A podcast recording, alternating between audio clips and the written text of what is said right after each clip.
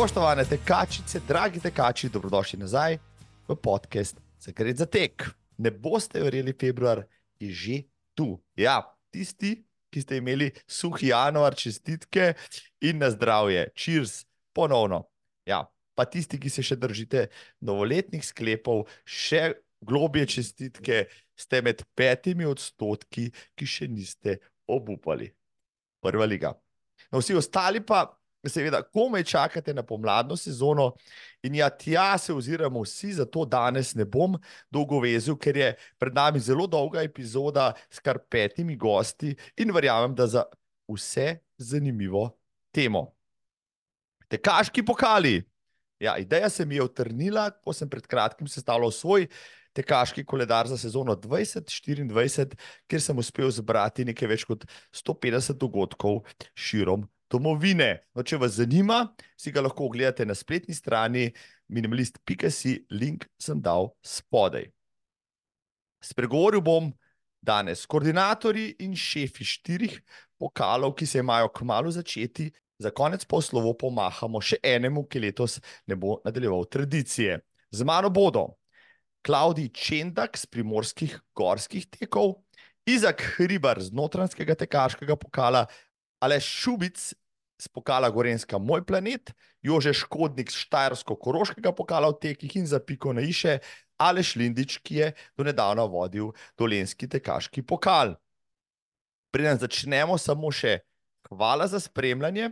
Naročite se še vedno lahko z gumom spodaj. Hvala tudi za lajke, hvala za komentarje in seveda hvala za donacije ta, te, ta teden. In hvala za donacije ta teden še posebej. Hvala Janu in Andreju. No, pa startemo.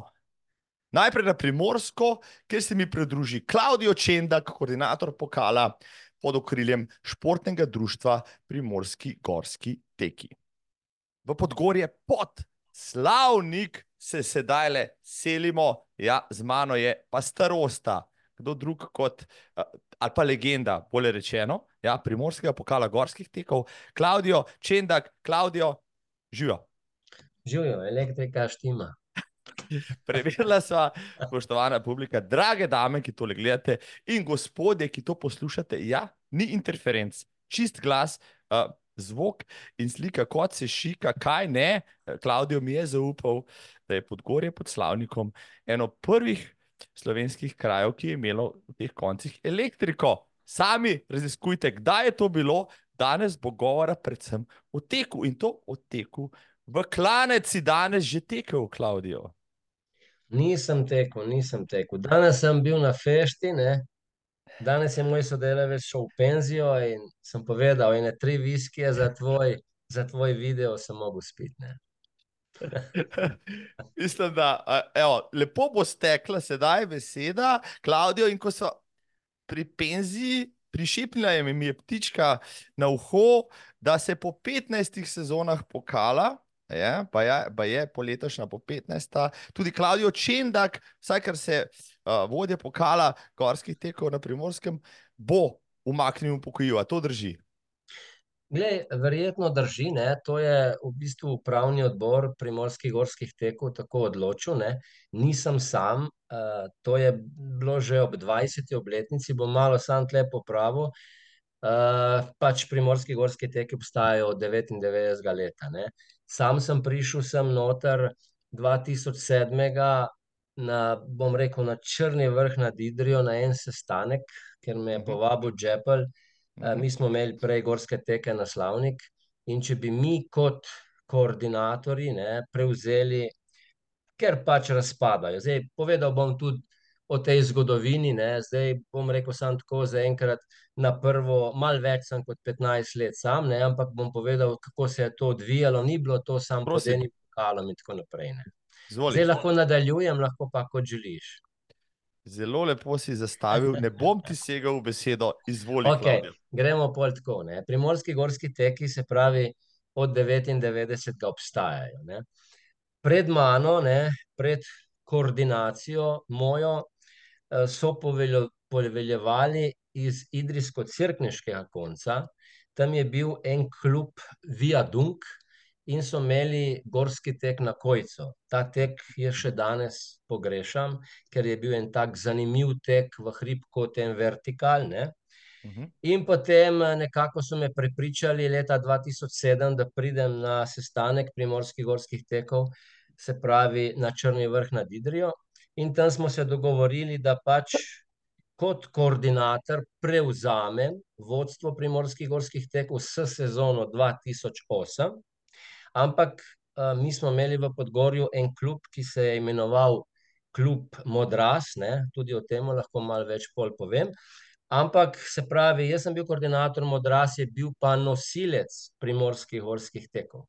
In takrat smo imeli en ogromno dela, ker ta pokal je bil čist na dnu.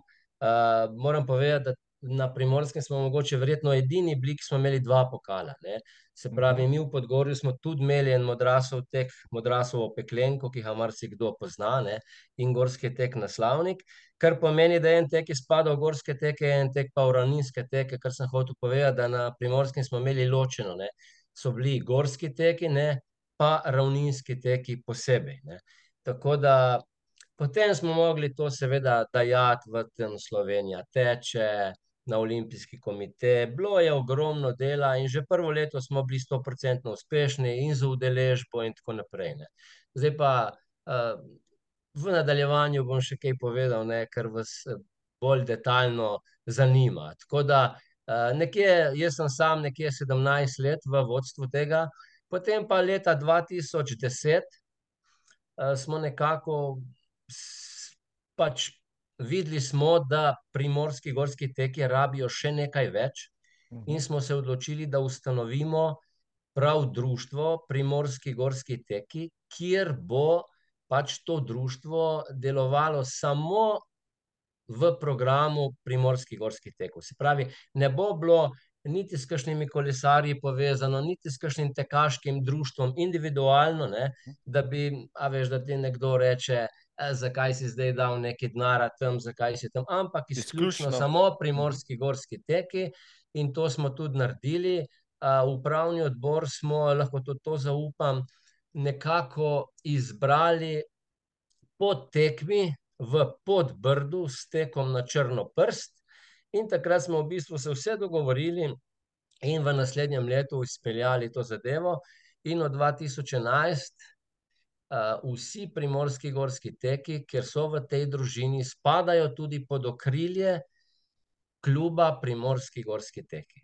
Žal verjetno bo pač po tej petindvajseti sezoni, ki bo jubilejna, se s tem zaključilo, ker tudi sam nekako, bom rekel, da v teh letih smo naredili ogromno, da so temelji definitivno lepo zastavljeni, kdor bi to želel nadaljevati, z bilokakšnim klubom, kakršenkoli nosilec, lahko mirno to pelje naprej.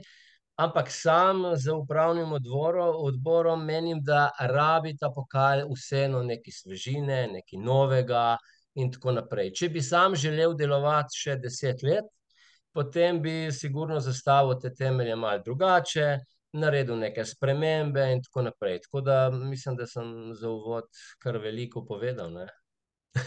Klavdijo, seveda zgovoren kot vsak pravi Primorec, všeč mi je to, kajpak, veliko si povedal, odstrl tenčico za tiste, ki primorske gorske teke poznajo daleč ali pa so na njih tekli, pa morda ne vejo, kako ogrodje zadaj je sestavljeno, vseeno, primorski gorski teki, a pa dajva tako reči, ne, zdajle se mi je porodilo to vprašanje. Gorski tek v zadnjih letih navzlic, bom rekel, popularnosti trail tekov, in preimenovanja, bom rekel, marsikatere gorske stezice v nekaj drugega, kot je bilo to včasih, a ne, dvajset let nazaj, petnajst še, celo deset so postajali, so postajali gozdni teki, gorski teki, gorski maraton in tako naprej, zdaj je praktično skoraj vsaka makadamska prireditev že trail, hribovska sploh, gorski teki so morda izgubili ne, na popularnosti, na atraktivnosti, tudi zaradi tega so mogoče malo manj naporni, bolj naporni kot, rekel, kakšna druga oblika tekaške rekreacije, pa vseeno, ne. Kako ti kot, rekel, alfa in omega tega pokala zadnjih petnajst, sedemnajst let pa spremljaš te bom rekel, trende, pace, uspone, kdaj je bilo najhujše, je zdaj, kje smo zdaj in kam pravzaprav gre ta barka. No, seveda, mislim, povedal bom čisto enostavno. Uh, všeč mi sigurno ni, da se meša recimo in trele in gorske teke. Ampak žal je to tako. Ne? Čeprav se marsikdo ne zaveda, da bom rekel, vsak manjši trail ne, ne bo preživel. Ne? Preživeli bojo samo tisti veliki traili, ki so napihnjeni in ki imajo neko podporo, in ker tudi sami tikači so malo krivi, da lahko plačujejo 60, 100, 150, 200 evrov na tekmo. To, to si v bistvu sami delajo neko populacijo k temu. Zdaj, lahko bo to v redu, lahko to ne bo.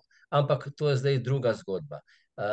Bom povedal še eno stvar nazaj. Ne. Tisti, ki niso tekli gorskih tekov ali pa nasplošno tekov, ne, od 2000 pa do 2010, žal niso doživeli tistega čara, kot smo ga imeli mi, ker v bistvu skoraj, čeprav je 2000 letnik zelo blizu, ne, ampak je precej, precej daleč, če govorimo o športni opremi, o tekaški opremi. Ne vem, videl si tam možakarja samo z 1,60 m, ki je tekel v košarkarskem dresu, lahko bi tudi povedal točno, kdo to je, ampak ne bom. In to je bilo To je bilo tisto najbolj zanimivo. Zanimivo še, ko smo tekli z listki. Ne? Danes se moraš prej prijavljati na tekme, moraš imeti čipe, ne vem kaj. Takrat si dobil čip, eh, v bistvu listek okrog vrata in si mogel s tistim listom tako in oddati na koncu in na koncu so ti na tisti cvek zabil gor pa pol obrnili in gledali, kje si bil. Ne? Seveda smo tudi takrat bili pametni, da smo to, to slikali, ne? kako je tekmovalec prehajal cilj, da ne bi bilo do kakšne, do kakšne pač prevare prišlo ali kaj takega neušečnosti, ampak to je bilo zanimivo. Ne. Sicer mene, me, bom rekel, kaj preveč ne moti, če so trejli prevladovali, ne, zaradi zdaj, v tem času. Ne. Mi smo pač preživeli vse sezone in v sezoni COVID-a in v tisti najhujši sezoni, bom rekel, eno ekonomski krizi 2008-2009, to sploh nam ni bilo nobenega problema, da ne bi to preboleli, ne. Ampak se je pa trend res prevešal v neko novo modernizacijo, ki sploh ne vem, ali to je v redu ali ni. Ne spravi, kdor ima rad gorske teke, ima najrajši, da je gor zdaj, naš pokal je itak sestavljen iz več vrst proge, ne, iz tistih klasičnih, recimo petsto višincev pa nekje do pet kilometrov dolžine ali pa do teka gor dol, ki so danes gor dol vsi poimenovani v trejle, ker si nekako predstavljajo, da je to nekaj modernejšega, nekaj to bolj izzivalnega in tako. Ampak žal recimo nekateri visoki vršaci, ne, lahko vzamemo, ne vem, primer Porezen. Če bi Porezen imel gor dol, ne, se pravi, tekač bi tekel, ki še ni bil na Poreznu, niti ne bi vedel, da je na Poreznu, ne, če ne bi bil gor cilj. In potem to nekako izgubi na tistem čaru, kam je pravzaprav on tekel, ne, saj treil lahko tečeš po hribih gor in dol v neznano, ne, pa, pa nisi nikjer bil, ne, si tekel neki treil. Zdaj pa gorski tek, ne vem, gorski tek na Blegoš, za mene je pač gorski tek na Blegoš, da se gor zaustaviš, da vidiš, kaj je, kaj ni, zakaj ne in tako naprej, ne. Mislim, to je tisto, kar da neki čar temu in še, če je podelitev na vrhu in tako naprej, pomeni nekaj več. Seveda, organizatorji imajo več dela, treba je voziti gor ruksake, treba je voziti opremo, treba zdaj so se vsi, tudi organizatorji, pomodernizirali in bi raje imeli najraje umetno narejeno, tako kot je v vsakem neki ravninski tek, ne, prideš pač v mesto Koper, tam se prijaviš, greš teč, prideš nazaj, se preoblečeš in to je vse, kar je, ne, se pravi, isto, kot če grem jaz zdaj doma, tečem giro okrog, pridem domov, se stuširam in sem doma, ne, to je ista stvar, se pravi, nimaš nobenih obveznosti, ne. In teh obveznosti se marsikateri organizator otepa, ne. In zaradi tega tudi za mene gorski teki niso več tisto, kar so bili, čeprav, ne, še vedno obstajajo, je lepo, da so, ampak verjamem, da marsikdo, ki si želi hribov, želi nekje na vrhu končati to zadevo in videti, kje je in zakaj je, ne. Mislim, to je za mene čar gorskega teka, ker je bil vedno malo težji kot ravninski in se je bilo pač treba tudi malo bolj potruditi, ne, do tega, da je to vse gor prišlo in tako naprej, ne. To bi bilo tako malček na kratko, na hitro povedano, ne. Zelo lepa reklama, Klaudijo. Je bila tole za gorske teke. Sem že govoril z marsikaterim gorskim tekačem, tudi v tem podkastu, ampak ne vem, če je kdo uh, tako lepo uh, artikuliral to, kot si ti povedal. Ja, in sem prav res razmišljal, imaš prav, ja, traili so lahko marsikje, lahko je tudi trail pod Mont Blanom, pa poteka dva dni skupaj ali pa tri dni, ampak na Mont Blanc še vse nisi prišel. Uh, gorski tek, ja, spomnim se gorskih tekov še iz svojih časov tudi na Grintovec, pa na Kališče, pa recimo na Črnoporst, ker sem participiral, pa izpljuval pač tisto dušo tam gor v tistih 1400 višincih, ima pa poseben čar. Ja. Tako, ko priješ na vrhu, ko si nadihaš, ko se ozreš okrog sebe, ti je jasno, da si nekaj naredil. Ne? Mogoče malo več kot kdo drug. Uh, praviš, da je gorski tek ali pa pokal o gorskih tekih na primorskem tudi prispeval k temu, da je tek ali pa gorski tek, pa tek nasplošno popularen. Ne samo na primorskem, tudi v Sloveniji. Namreč marsikateri tekač mi govori, da je šel kdaj na primorsko šov, na kakšno pokalno tekmo in bil navdušen. Navdušen zaradi, bom rekel, organizacije, sprejema samega vzdušja po teku in tako naprej. Kaj ti meniš? Glej, uh, jaz bom povedal tako, ne? spet bom malo bolj obširen. Uh, mi, ko smo organizirali pokal primorskih gorskih tekov. Ne. Uh, nismo imeli, bom rekel, samo uh, eno zadevo v glavi, da se samo spelje tek. Ampak smo bili kot družina in smo imeli neka pravila, ki so veljala na vseh tekih. Se pravi, ali da se zjutraj, ko prideš, postreže s kavico, da se jim ponudi karkoli se da, da je to neko druženje, ker nima veze z rezultatom. Ne. Se pravi, da, da čutiš čar ljudi, čar tistega kraja, kamor prideš. Ne? Ker eh, ne vem, uh, verjetno v vsakem kraju, kjer tečeš na nek gorski tek, prideš, bom rekel, v en zakotni kraj, ker če na te teke ne bi hodil, nikoli tega kraja ne bi videl. Ne? In to je bila promocija nekega, nekega kraja, kjer nihče, nikdar, noben, verjetno v Sloveniji ne bi bil, kar pomeni, da Slovenijo zelo malo poznajo. Ne. Ker ima ogromno lepih stvari, samo se jih moraš dotakniti, in nekdo te more do tam pripeljati. Ne. Tako da, zagotovo je bilo, ne, uh, verjetno za tiste, ki ne poznajo, ne, primorski gorski teki so vedno imeli v pokalu tudi eno, tekmi, eno tekmo ali na Hrvaškem ali na italijanski strani. Ne. Mi smo imeli recimo zelo lepo na italijanski strani dolino reke Glinščica, ker je bil mhm. tudi en zelo težek gorski tek. Potem smo imeli vedno učko v pokalu na hrvaški strani, ki je tudi 1400 metrov nadmorske višine relativne, ne, iz morja gor in to je bil en krasen tek. Ne. Potem smo nekako, bom rekel, tudi po osnovi Pušeljca, ne, razširili na Gorensko, tudi Blegoš, pa Ratitovec v naš pokal, kar so tudi dobrodošla, bom rekel, eh, z neke strani. Ne. In eh, ta pokal je vedno imel spremembe. Jaz sem to vse doživel in nekako eh, nikoli nisem bil proti temu, da, da, da se ne bi spuščal v neke druge avanture ali pa da ne bi nekoga, ki želi tukaj notri biti, da ne bi bili. Ne. Tako da je bilo zanimivosti, je bilo v redu, vse pravi jaz bi lahko tukaj bil do smrti, ne? ampak nima nobenega smisla, ker mora se spet zgoditi nekaj novega. Ne? Mi smo naredili do neke mere, zdaj pa morajo priti neki drugi ljudje, ki bojo to še nadgradili. Ne? Ker uh, zelo mi je pa težko, če to se ne bi nadaljevalo. In zato smo mi eno leto prej povedali, ne, da bomo mi po tej sezoni odstopili, se pravi po 25. sezoni primorskih gorskih tekov, ki nikoli ni bil prekinjen. Mi smo v času COVID-a in tako naprej vedno speljali pokal. Res, da nismo mogli speljati ja. nekih tekov, zaradi tega, ker v tistih zimskih časih ne, je pač bila prestroga, bom rekel, ne, prestroga. Eh, disciplina iz strani države, da bi mi lahko to izpeljali. In pa če je bilo na mesto, ne vem, na mesto 20 tekov, je mogoče bilo na koncu izpeljanih 12, ampak še vedno pokal zelo dolg. Sicer v pokalu še po dolžini tega nismo še spregovorili, imamo še čas. Ne? Tako da naš pokal je itak, bom rekel, skozi celo sezono In uh, jaz sem vseeno zadovoljen, da se je vse to zgodilo, kar se je zgodilo. Ne? Tako da, ja. Drugače pa, da ne bom pozabil, Marko, ne? jaz te pa vabim 3. marca, da prideš v Gabarje, Eh, pri Vipavi, tam imamo mi zaključek tekmo in se pravi, tudi letos ne bo prva tekma, ampak druga, ker se bo prej zgodila na tek na Sabotin, ne, zaradi tega, ker imamo mi decembra ponavadi Izbirno. zaključek. Aha. Tako da lahko priješ malo na našo predstavo, pa bomo tam še tudi kaj poklepetali. Vljudno vabljen pa na eno tako krajšo progo, verjetno ti bo štimala, ne, zakaj pa ne.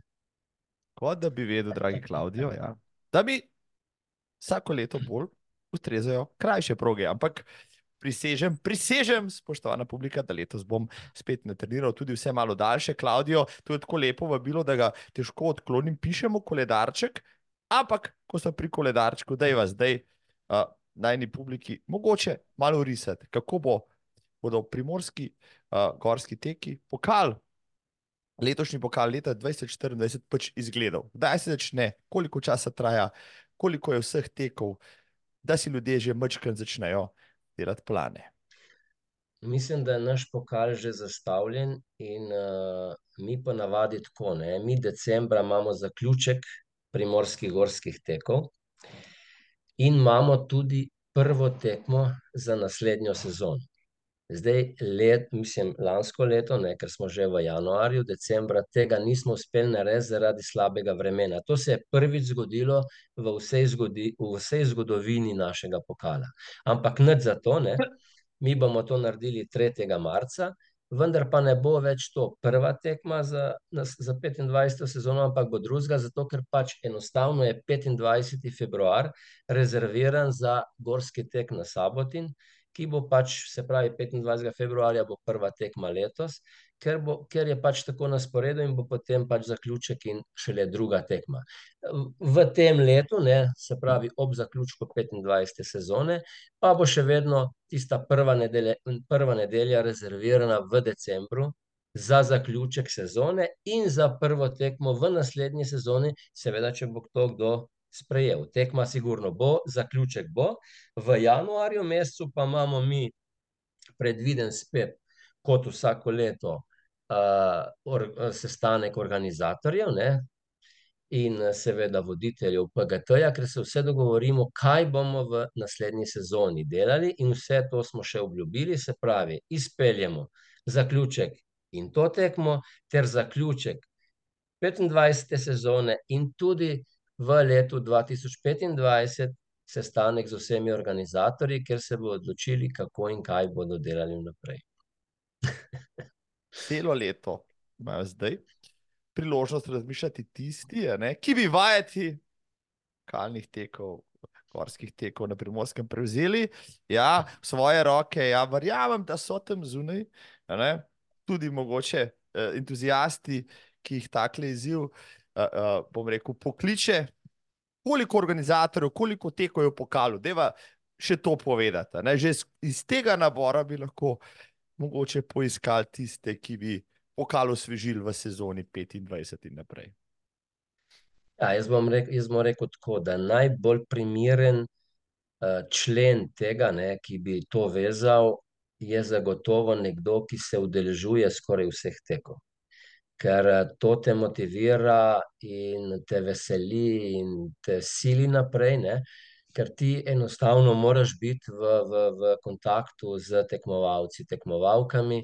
Eh, če tega ne počneš, potem je to malček stran ustreljeno. Ne? Ti moraš imeti željo, moraš imeti voljo, in potem ti vsi drugi lahko samo sledijo. Ne? Tako da to je prva zadeva, kar verjetno moraš imeti v sebi, da si to želiš. Tako, drugače pa uh, pokal bo sestavljen, kot kaže, iz 20 tekov. Ne? In če na hitro povzameva to, kar lahko povem iz pameti, uh, mi ponavadi imamo tako. Ne? En tek mora biti več od polovice, da šteje za udeležbo. Ne? Pri nas ponavadi vsi za udeležbo so dobili neke nagrade, ki so to izpolnili.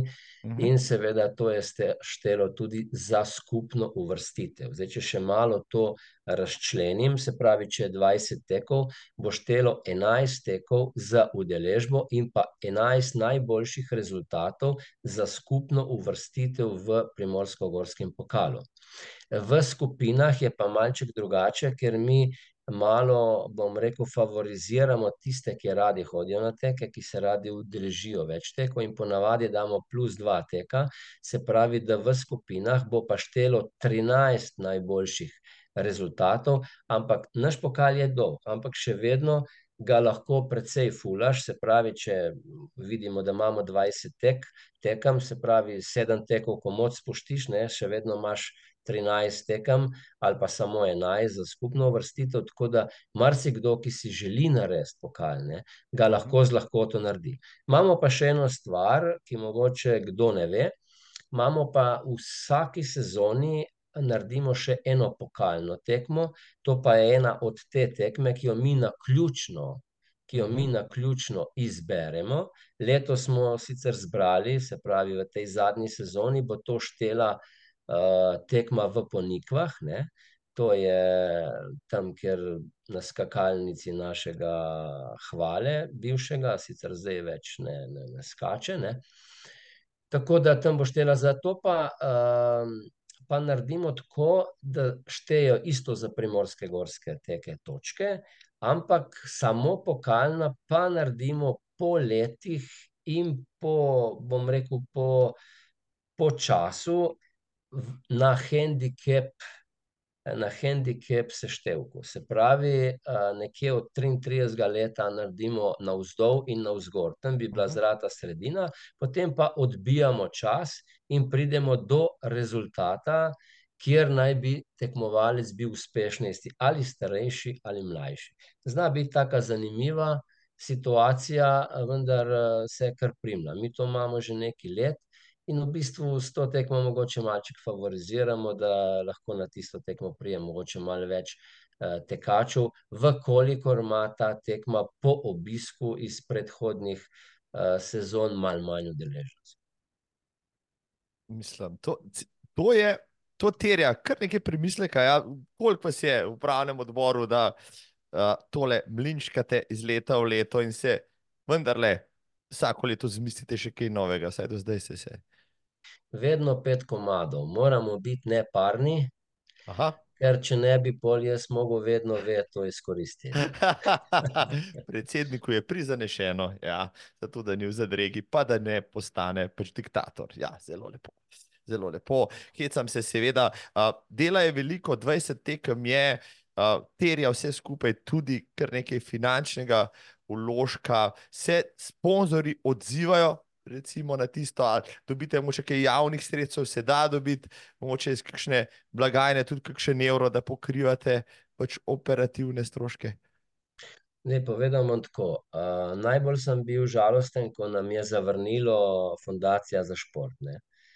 ko nam je fundacija obrnila hrbet, smo nekako najbolj bili, bom rekel, prizadeti, ne. Čeprav ni bil to naš glavni vir dohodka, ne, če se lahko tako izrazim, ampak je bilo pa neprijetno. Čeprav tudi z njimi imaš določene stvari, ki jih moraš potem seveda zrihtati, narediti, predložiti račune in tako naprej, ni to tako enostavno. Ampak ker je bilo vse utečeno, smo mi to brez nobenega problema naredili, ne. In moram povedati, da tudi v času tiste ekonomske krize dva osem-dva devet in pol v naslednjo, mi smo imeli vedno poštimano celo eno sezono naprej finančno podprto, ne, da smo jo lahko speljali ne glede na tisto sezono, kar se je odvijala. In potem je pa postajalo malo bolj, bom rekel, siromašno, če se tako lahko izrazim. Ampak še vedno brez nobenih problemov, ne moreš pa več narediti tistega plusa, ne, -ina, kar bi želel nekako dati tekačem. Ker to v bistvu se vse zalaga za tekače, ki hodijo na tekme, in da jim čim več ponudiš in čim več daš in tako naprej, od raznih modernih televizorjev in tako, ke smo jih imeli potem na, na, na, na, na tistem žrebanju in tako naprej. Tako da lahko narediš en korak nazaj, težko je pa dva. Tudi to ja, je misel vredno premisleka, posebej po koronskem času. Smo organizatori se veliko pogovarjali, marsikdo je imel izziv. Ja, ob, recimo, z desetkami udeležbi, zagotoviti, rekel, nivo tekmovanja, kot je bil predtem, tudi sponzorji so pač za različne razloge, vse kdaj umikali. Ja, in to, kar si dejal, uh, včasih, ja, težko je rezati neki, težko je spuščati nivo, posebej, ker si ljudje, vsaj te zadeve, vsaj na dol, če kaj pade, vse zapomnijo, na gor, mogoče ne toliko. No? Uh, kritizirajo predvsem, predvsem raje, kot pa pohvalijo, čeprav pri morskih gorskih tekih. Slišim predvsem, predvsem pohvale. Da mi povej še, Klaudijo, katera je najtežja tekma primorskega vokala, katera pa najlažja? Ja, kjer je najlažja, težko reči, ker je nekih podobnih, tako da tukaj ne bi nekako izpostavljal, kjer je najlažja. Mislim, da jih je par takih, ki bi bile skupine. In tisti, ki si pogleda malo naš razpored ali na ljudstvo tekačev ali na našo stran primorskih gorskih tekov, bo takoj vedel. Najtežja in od začetka je pa bila zelo zanimiva in ker mi imamo en tak specifični pregled gorskih tekov, kot sem že povedal, od tistega najkrajšega, samo v hrib, pet, štiri, tri kilometre, petsto metrov nadmorskih višincev, do vertikala, do gor dol, je bil tisti gorski maraton v Podbrdu, ne, ker je bil nekako neki čar primorskega gorskega teka, da se tam pač nekako dokažeš, pokažeš, ali narediš neki rezultat ali pa narediš samo to, da greš skozi, se pravi, da si dokažeš sam sebi, da si to sposoben. žal so se letos v gorskem maratonu odločili, da ta tekma ne bo štela za točke primorskih gorskih tekov, ampak da bo štela krajša proga, dvajset kilometrov, kar sam nisem najbolj navdušen in vsem povem, tudi organizatorjem gorskega maratona, da bi mogel biti dvainštirideset kilometrov gorski maraton za vse tekače in tudi za same Podbrčane, odkar so začeli to delati, ena, ena, ena stalnica tega, ker je edini gorski maraton, ki obstaja pravi kot gorski maraton, ne pa delati neke umetne dvajsetkilometrske proge na račun, ne vem, ali Atletske zveze ali kakšnega izbora za državno reprezentanco ali pa za izbirno tekmo ali kakorkoli že, veteransko. Tako da gorski maraton dvainštirideset bi mogla biti prva točka v Podbrdu kot primorskega gorskega teka in kot samega, samega tega maratona, ki to je neki čar, ki verjetno, če ga, če ga izgubijo, ga nikoli več ne bodo imeli. In, in tudi sam tekmovalec, ko pride tam, mislim, da mu je čas, da to preteče skozi. Tako da vse ostale proge, ki jih bojo imeli, stotko ne bomo govorili, ker stotka je čisto nekaj drugega, kar si kdo hoče dajati v sebi, kaj je sposoben, kaj ni. Bom rekel, pa tisti dvajsetkilometrski, petnajstkilometrski teki pa so že danes kot neki traili, ki jih imamo kar nekaj, tako da to je moje mnenje, ni nujno, da je pravo, ampak mislim, da je nekje na mestu, ker zdaj bom še tako povedal, ne, vsa ta leta je dvainštirideset kilometrov v Podbrdu veljalo za točke primorskih gorskih tekov, ne. Zdaj, letos bo prvič, ki to ne bo tako, ne, in potem, a boš ti vsako leto gledal, katera proga bo veljala v Podbrdu za točke, ne, mislim, to za mene ni najbolj idealno, ampak za petindvajseto sezono, ki bom zadnjič tukaj, ne, sedel, bom zlahka rekel, da naj bo to tako, ne, potem pa bo nekdo drug povedal, kaj je. Ja, ja, ob tem, ko si tole razlagal, sem pomislil na svoje poskuse iz Hude Južne, čez Durnik in tako naprej, ja, to je nekaj romantike v... Ampak še nekaj, ne, še nekaj. Je nekaj. Še nekaj, je pa, je pa res, da je tista sedemintridesetkilometrska proga, ne, ali pa petintrideset, ko je bila Petrovo Brdo, Petrovo Brdo vseeno ostala v spominih gorskih tekačev, pa tista prava tekma v, v Podbrdu ali Petrovem Brdu, karkoli. Res, da Petrovo Brdo to ne bi moglo prenesti, ne, da je bilo treba seliti v Podbrdo, zanimivo je bilo tudi, ko je bil štart v Petrovem Brdu, pa smo se vozili z avtobusi iz Podbrda v Petrovo, tudi to je bilo zanimivo, ne, Ampak uh, Petrovo brdo pa ne smejo izključiti iz tega, ker Petrovo brdo je čar in središče tekme v podbrdu. Tisti napajalnik pri Rudku tu. Ja, zdaj ga žal ni, ne? zdaj ga žal ni več, ne? zdaj tudi tam se ne morejo oslanjati, tako da imajo, imajo sigurno kompromis, da pač tam ne morejo več ustvarjati tekme. Ja, viš to spet, spet spomini. Ja. Preden za jadra preču sentiment.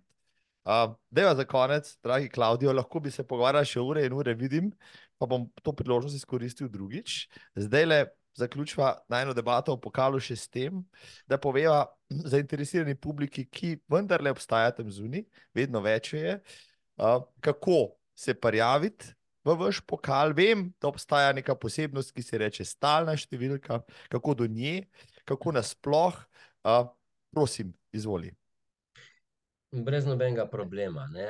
Tudi tukaj se bo verjetno v naslednjih letih nekaj spremenilo, ampak to, kar velja še za sezono 25, ne, je ta, da enostavno priješ na tekmo, poveš, da boš sodeloval v primorskem gorskem teku, če še nimaš sta- stalne številke, jo dobiš ne, tam pri KTI-u, boš vprašal, kje je.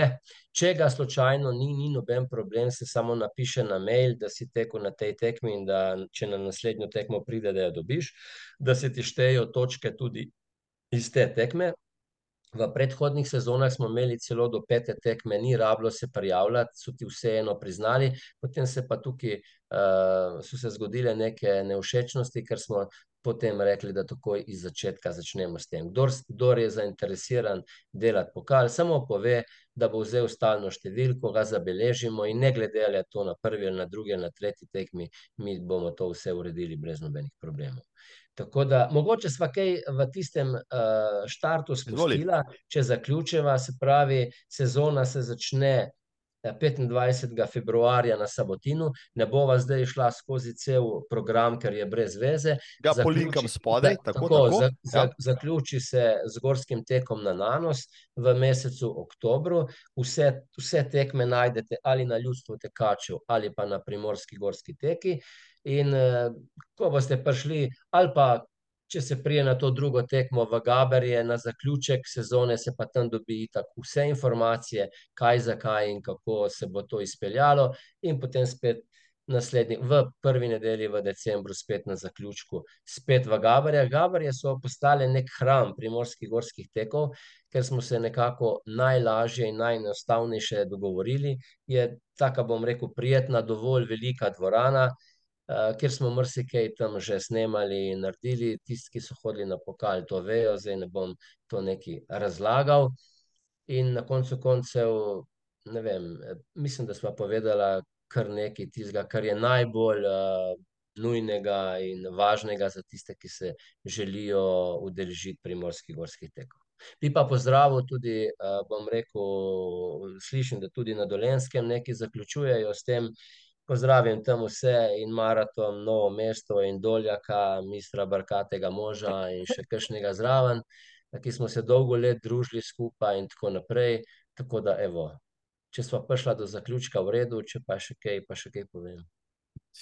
Izvrstno je bilo tole, dame in gospodje, Klaudijo Čendak, ja, um, gostobesedni, ampak tudi ja, pomenljivi, ja, prvi človek a, primorskih gorskih tekov. A, zdaj a, moram priti vsaj na eno tekmo, ja, kljub temu, da je moja forma za gorske teke ja, približno tam, kjer trenutno moja stopala, precej dol, ampak, ampak nikoli ne reci nikoli. Um, Klaudijo, jaz se ti bom prisrčno zahvalil za tvoj čas in za tvoje uh, rekel, informacije in zanimivosti, ki si mi jih povedal. Obljubim, da se še slišiva, še prej pa računam, da vidiva v živo, no? pa da te podregam še za kakšno, bom rekel, off the record zanimivost, ki se je zgodila na primorskih tekih, pa me zanima. Ok, ni panike, sva dogovorjena, se pravi, če ne prej se vidiva 3. marca. Uh, če boš v slabi formi, mi smo leta nazaj imeli tudi, uh, bom rekel, uh, skupino ali pa ne skupino, uh, bom rekel, samo za udeležbo, nismo merili časa. Tako da si pač šel sam brez čajta, ker je to pač bilo tako, da, da ne bi imel slab čas. Ne, da ne, da ne bi bilo sramote. Ja. In to ti bom tudi zaupal, da je bil glavni akter tega, tudi tega poznaš. To je v pokoju pisec z modro glavo, Venčeslav Jakob. S, s tem zaključujem. Že pa upam, da se ti ne kavca. Hvala, Klaudijo. Se vidimo v Gavarju. Srečno. Hvala. Bye. Hvala, Klaudijo. No, če smo že na primorskem, velja omeniti, da je na primorskem aktiven še en manjši pokal cestnih tekov, predvsem, ki se imenuje primorski pokalni teki in je organiziran pod okriljem društva Filipides. Lani so se štiri, šest tekov, letos koledar, če bo še čakamo. Gremo sedaj na notransko v Cerknico, kjer se mi pridruži Izak Hribar Meden, organizator več tekov in že dolga leta koordinator notranskega tekaškega pokala. Pa je, so bloke najmrzlejši del Slovenije in v tisti konec sedaj le gremo vsi skupaj Izak v Hribarju, Izak, živijo pozdravljen, si v Cerkenci ali na Bloški planoti? Evo, Marko, živijo, glih sem prišel iz blok. Iz, po tvojih besedah, najbolj mrzlega kraja na svetu, ne, ali oziroma v Sloveniji. Ampak te moram popraviti, ne, da ni tako. Ne? Ne? Uh, tle imamo ta jugo, ne, bližina morja. So bili najbolj mrzli dnevi, minus 23 stopinj. Ampak žal ne, je pa jugo zapihal in naj pobral sneg v teh treh dneh tako da smo zdaj dokaj na suhem. Ne. Imeli smo ekstremno zimo in zdaj imamo ekstremen plus, tako da smo neki lauhali, imamo dobre dneve, te kar smo čeh, trenutno smo pa na suhem. No. Ja. Da, uh, bi, bi, bi, bi, pri, recimo, bi prikimali na mikroklimo rateč takoj. Je, je, jaz sem pa rekel, zdaj mi bo Izak iz prve roke povedal, koliko kilometrov je danes že oddrsal, pa nas povabil za vikend tja dol, da kakšen hitri tečaj, zdaj imamo pa lahko samo kartine štetali. Ja. Ja, imeli smo lepe tečaje, dosti ljudi, veliko tekačev, tečajnikov, uh, izposojo opreme, ampak ta vikend si pa ne moramo obetati nekega, bom rekel, eh, teka na smočeh na blokah ali pa na notranskem, ker preprosto ni več snega so samo že kartine, sneg in trava. Smola, smola, ja. smola. No, pač, lej, jaz računam, da zima še ni rekla zadnje besede. Ja? Uh, Izak, da boš imel še dosti dela tudi z mazanjem, ja? kakšnih delc tam dol, konc koncev še šele januar, dobro bo začel. Februar prihajati naše konce, trda zima bi morala biti, ampak danes, ja, ker praviš, tudi privrže malo pomladne temperature. Tudi pri nas na Korejskem, tam, ker sem jaz pod Storčičem, je vse zeleno. Pa nočem še razmišljati o ja, spomladanski sezoni, pa pač moram. Ja, in če že razmišljam o njej, je ena od stvari tudi uh, notranski tekaški pokal. Bil sem dve leti nazaj na eni od tekem, vroče je bilo, kar prijetno, grelo je, ja, tisto sonce na Cerkniškem jezeru, ampak nevrjetno prijetna tekma. Sem obljubil, da še pridem na kakšno drugo.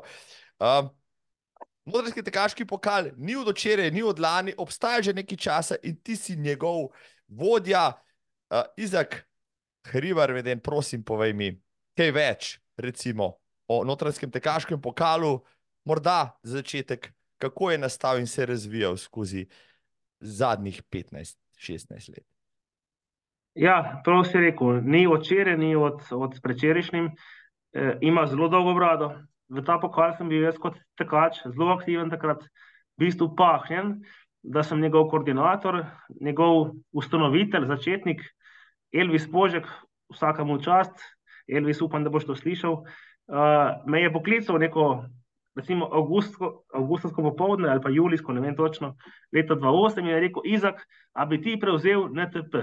Jaz sem rekel, pa bom prevzel, evo. In to je bil moj začetek, se pravi, pokala. Uh, pokal ima zelo dolgo brado, se pravi, uh, ustanovitev pokala je bila leta 2006, to je zdaj že 18 let, prvo leto je pa nastopil uh, 2007, Njegov namen pa je bil, da se združi vse teke na notranjskem kot celoto, se pravi, da se ne prekrivajo, da imamo tek vem, na Slivencu, ob jezeru, seveda ob Crkvenskem jezeru, in da se te termine ne prekrivajo. Uh, bom rekel, sporočilo pokala, oziroma, kako bi rekel, um, namen pokala je gibanje lokalnega prebivalstva. V prvih letih je bilo to zelo, bom rekel, aktivno, zadeli so v bistvo, veliko novih tekačev je bilo iz okolice, veliko iz Cerknice, Loške doline, Blok in okolice.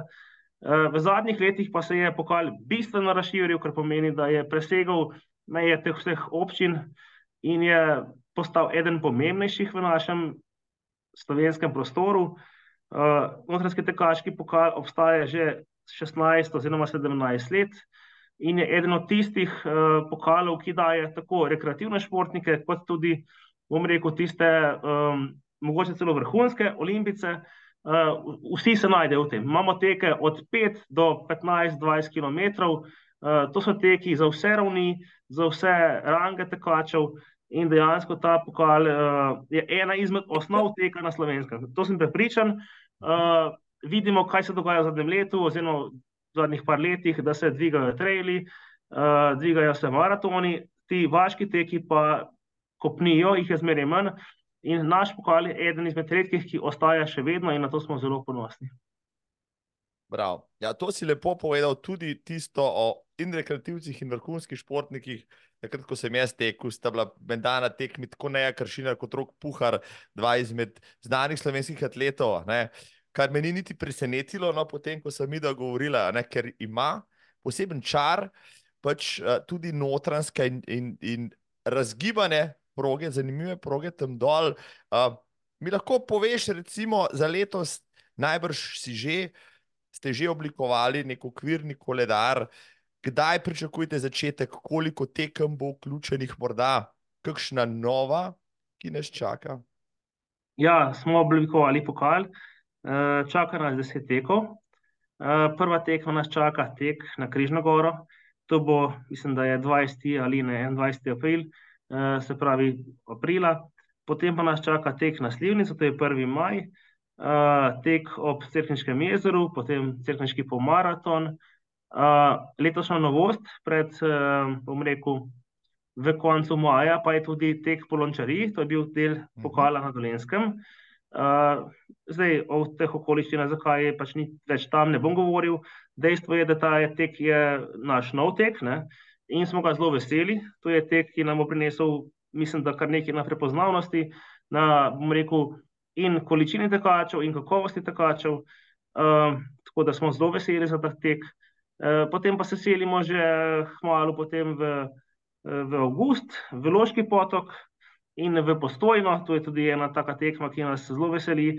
Na napačni strani Javornika, sicer na pač, bom rekel, sončni strani, ne, ampak dobro, pustimo to. Uh, potem pa bloke, uh, Loška dolina in pa za zaključek tudi Rako Škoce, tako da imamo deset tekov, dolgih od 4 do 21 km, same klasike, se pravi, tekaške klasike, brez kakšnih presežkov od količine, dolžine in tako naprej, ampak tisto, kar vsak tekač, rekreativec potrebuje, od ravninskih, razgibanih, pol maratonov, se pravi, vsak najde nekaj zase na naših tekih.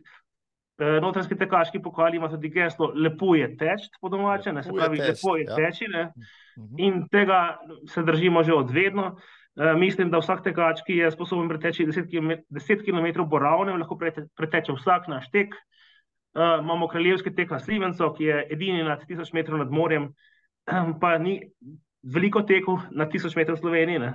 Vemo, da ti teki vse opuščajo. Uh, tako da lej, uh, naš notranjski tekaški pokal obstaja zaradi prostovoljcev, zaradi mrljivih organizatorjev, zaradi bom rekel, ne preštevanje dobička, ampak zaradi tega, ker verjamemo, da lahko notranjski tekaški pokal kot rekreativna dejavnost obstaja še dolgo. No?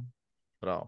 No, ravno to, kar si na koncu omenil, prostovoljce in vse ostalo, ti si koordinator tega vodja, tega pokala, uh, najbrž imaš tudi pomoč ali kako veliko dela je najbrž s tem, da pač deset tekov, vendarle tudi samih nekaj od teh organiziraš, da pa vendarle tudi ostale zbereš in jih uh, spraviš rekel, na isto valovno dolžino, da imate določena pravila, da so časi pravilno pomerjeni, točke seštete, da so zaključki pravi, in tako naprej. In tako ja, kot se rekel, imamo svoj program, ki se imenuje program Teki. Ki ga je ustanovil en, eden izmed naših tekačev, Janes Milavec iz Bloka, ga moram kar javno pohvaliti, ker je to res naredil vrhunsko in to že traja zelo dolgo. Um, drugače pa ja, imamo številne prostovoljce, organizatorje tekov, ki so že dolgo v tem. Uh, brez njih ta pokal ne more obstajati. Ne. Bi pa še povdaril, da je pač nosilec tega pokala, pa v bistvu tudi občina Cerknica, ne, ki organizira potem na koncu tudi prireditev, ki je unikum v Sloveniji, se pravi, končni notranjski tekaški pokal ima zaključek z vsemi najboljšimi tekači eh, na neki slavnosti podelitvi v novembru. To je po moje čist uh, top prireditev za tekače v, našem koncu. In uh, brez tega mi ne, ne, mi ne bi obstajali. No. Uh, vidimo, da pač pokali propadajo, na dobesedno. Uh, mi pa se še kar držimo nad vodo in upamo, da bomo obstali ob tej podpori še, upam, da do konca. No. Um, Ja, prej si omenil tudi trele, pa vse ostalo, zdaj sam si do, veliko časa upet, vem, da se zelo trudiš, da populariziraš pač tek, cestni tek, uh, bom rekel, tek po brezpotih in tako naprej v vaših koncih. Uh, je luč na koncu tunela, rečemo temu tako, ne, recimo, da smo se tudi po koroni vsi, ki se s cestnimi teki tako ali drugače ukvarjamo, znašli mačken. Uh, niže, kot smo bili leta predtem, eh, tekači so nam ušli na en način, udeležba se je zmanjšala, pa vendarle, ne, uh, ti si optimist. Ti vem, da delaš, rekel si, ne bodo nam prišli do živega, pa vendarle, vse, bo rekla tako, tudi mladina uh, vrača, morda uh, so kakšni pristopi, ki ste jih vi zapopadali, da pri, pripeljete še koga zraven, uh, da bo spet uh, recimo popularnost cestnih ali pa klasičnih, pa vaških teh, kot si rekel, morda spet prišla na nekdanjo raven? Uh, če govorimo čisto realno, nisem optimist, uh, moram povedati. Pač ne, ne delamo si nekih utvar. Ne. Uh, cestni teki na 5-10 km nimajo trenutno dobre prihodnosti, uh, ker tista populacija, ki bi mogla teči, ne teče. Ne. Se pravi, govorimo o uh, prehodi iz osnovne šole v srednjo šolo, pač jih ni, ne, oziroma je zelo majhen procent.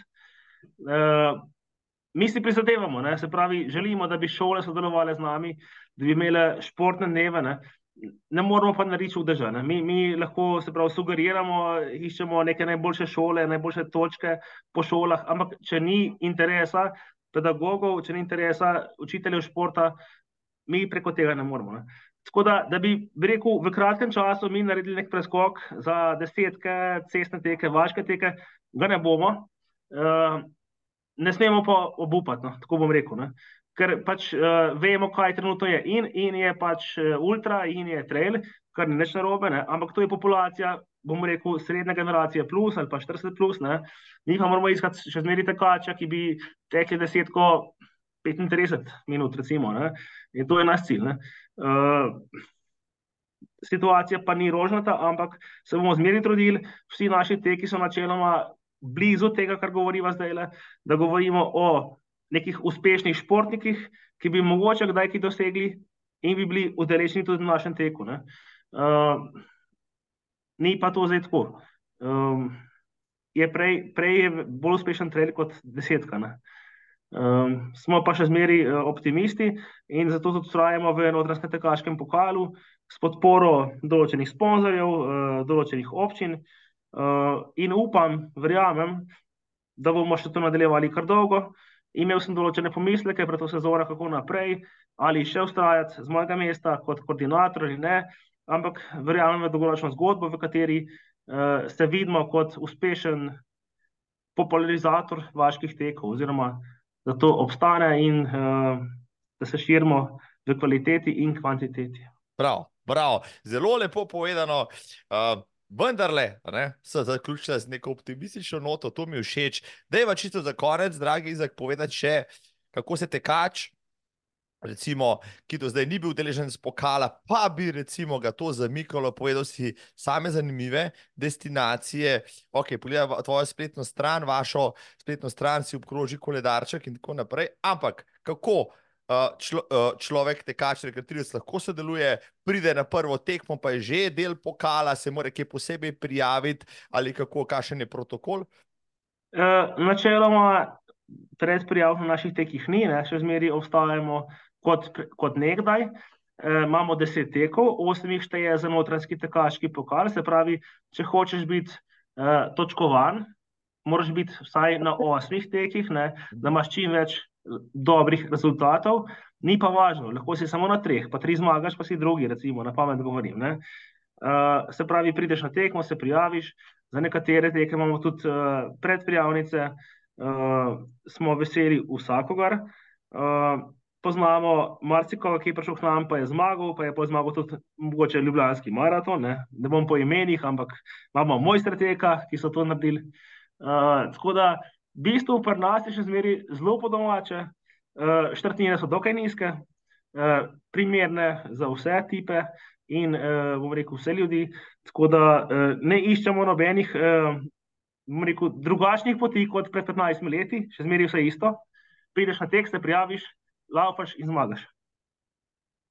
In rekel ti bomo, da ta tradicija, ki si jo omenil, ne, kljub temu, da uh, uh, je današnji digitalni svet tak, da praktično bi vsi vse naprej, pa, pa imeli vse servirano, da je privlačen, to, kar se ti pa je privlačno, meni je simpatično, da tako kot pred 20 leti lahko nekam pridem, se tam izpolnim tisti listek, uh, oddam uh, uh, plačam tiste, tiste evre in grem teč, in ne delam iz tega ne vem, neke drame.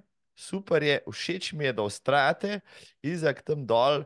Um, ja, bom tudi letos prišel še nekam, bom prišel, uh, mogoče ne na polovičko, na Cerkniško jezero, ker sem tako v slabi formi, da bi pač umrl. Ja, uh, takrat sem bil malo boljši, ampak uh, izak, hvala ti za javljanje iz crknice in pa iz blok. Uh, uspešen zagon pokala, aprila si dejal, se začne, ti želim. In na skorajšnje snidenje. Ja, eh, hvala za to povabilo v tvojo, tvoj podcast. Uh, upam pa, da se vidva vsaj na dveh tekih, ne samo na enem. Joj, joj, spet bom mogel trenirati, je dejal. Ja, in, in kar jaz rečem, polo jetru, me vlečejo za jezik. Tako da, hvala, Izak, zdaj uh, si me, ne, spravil za drego in bom mogel jutri iti na trening.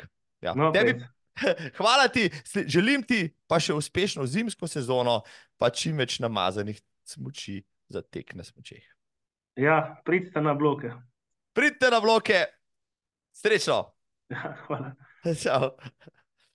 Hvala, Izak. Gremo na Gorensko. O pokalu Gorenska, moj planet, bom spregovoril s eh, vodjem pokala in direktorjem podjetja Timing Poljane, Alešem Šubicem. V Poljansko dolino bom zdaj le zavil, draga publika, spoštovani in spoštovane. Ja, zakaj?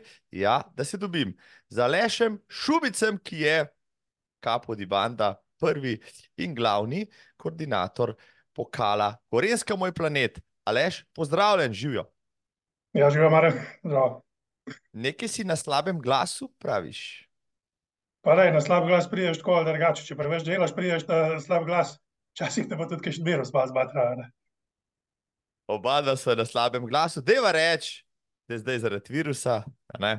pa da naj tam zunaj ja, bolj cenijo, kot kritizirajo. Danes bi eno rekla o, o, o pokalu, pokalu, ki ga vodiš in bo letos vstopil v jubilejno, deseto sezono, drži. Uh, res je, letos gremo v deseto sezono. Začeli smo leta 2015 in zdaj le teče deseto leto.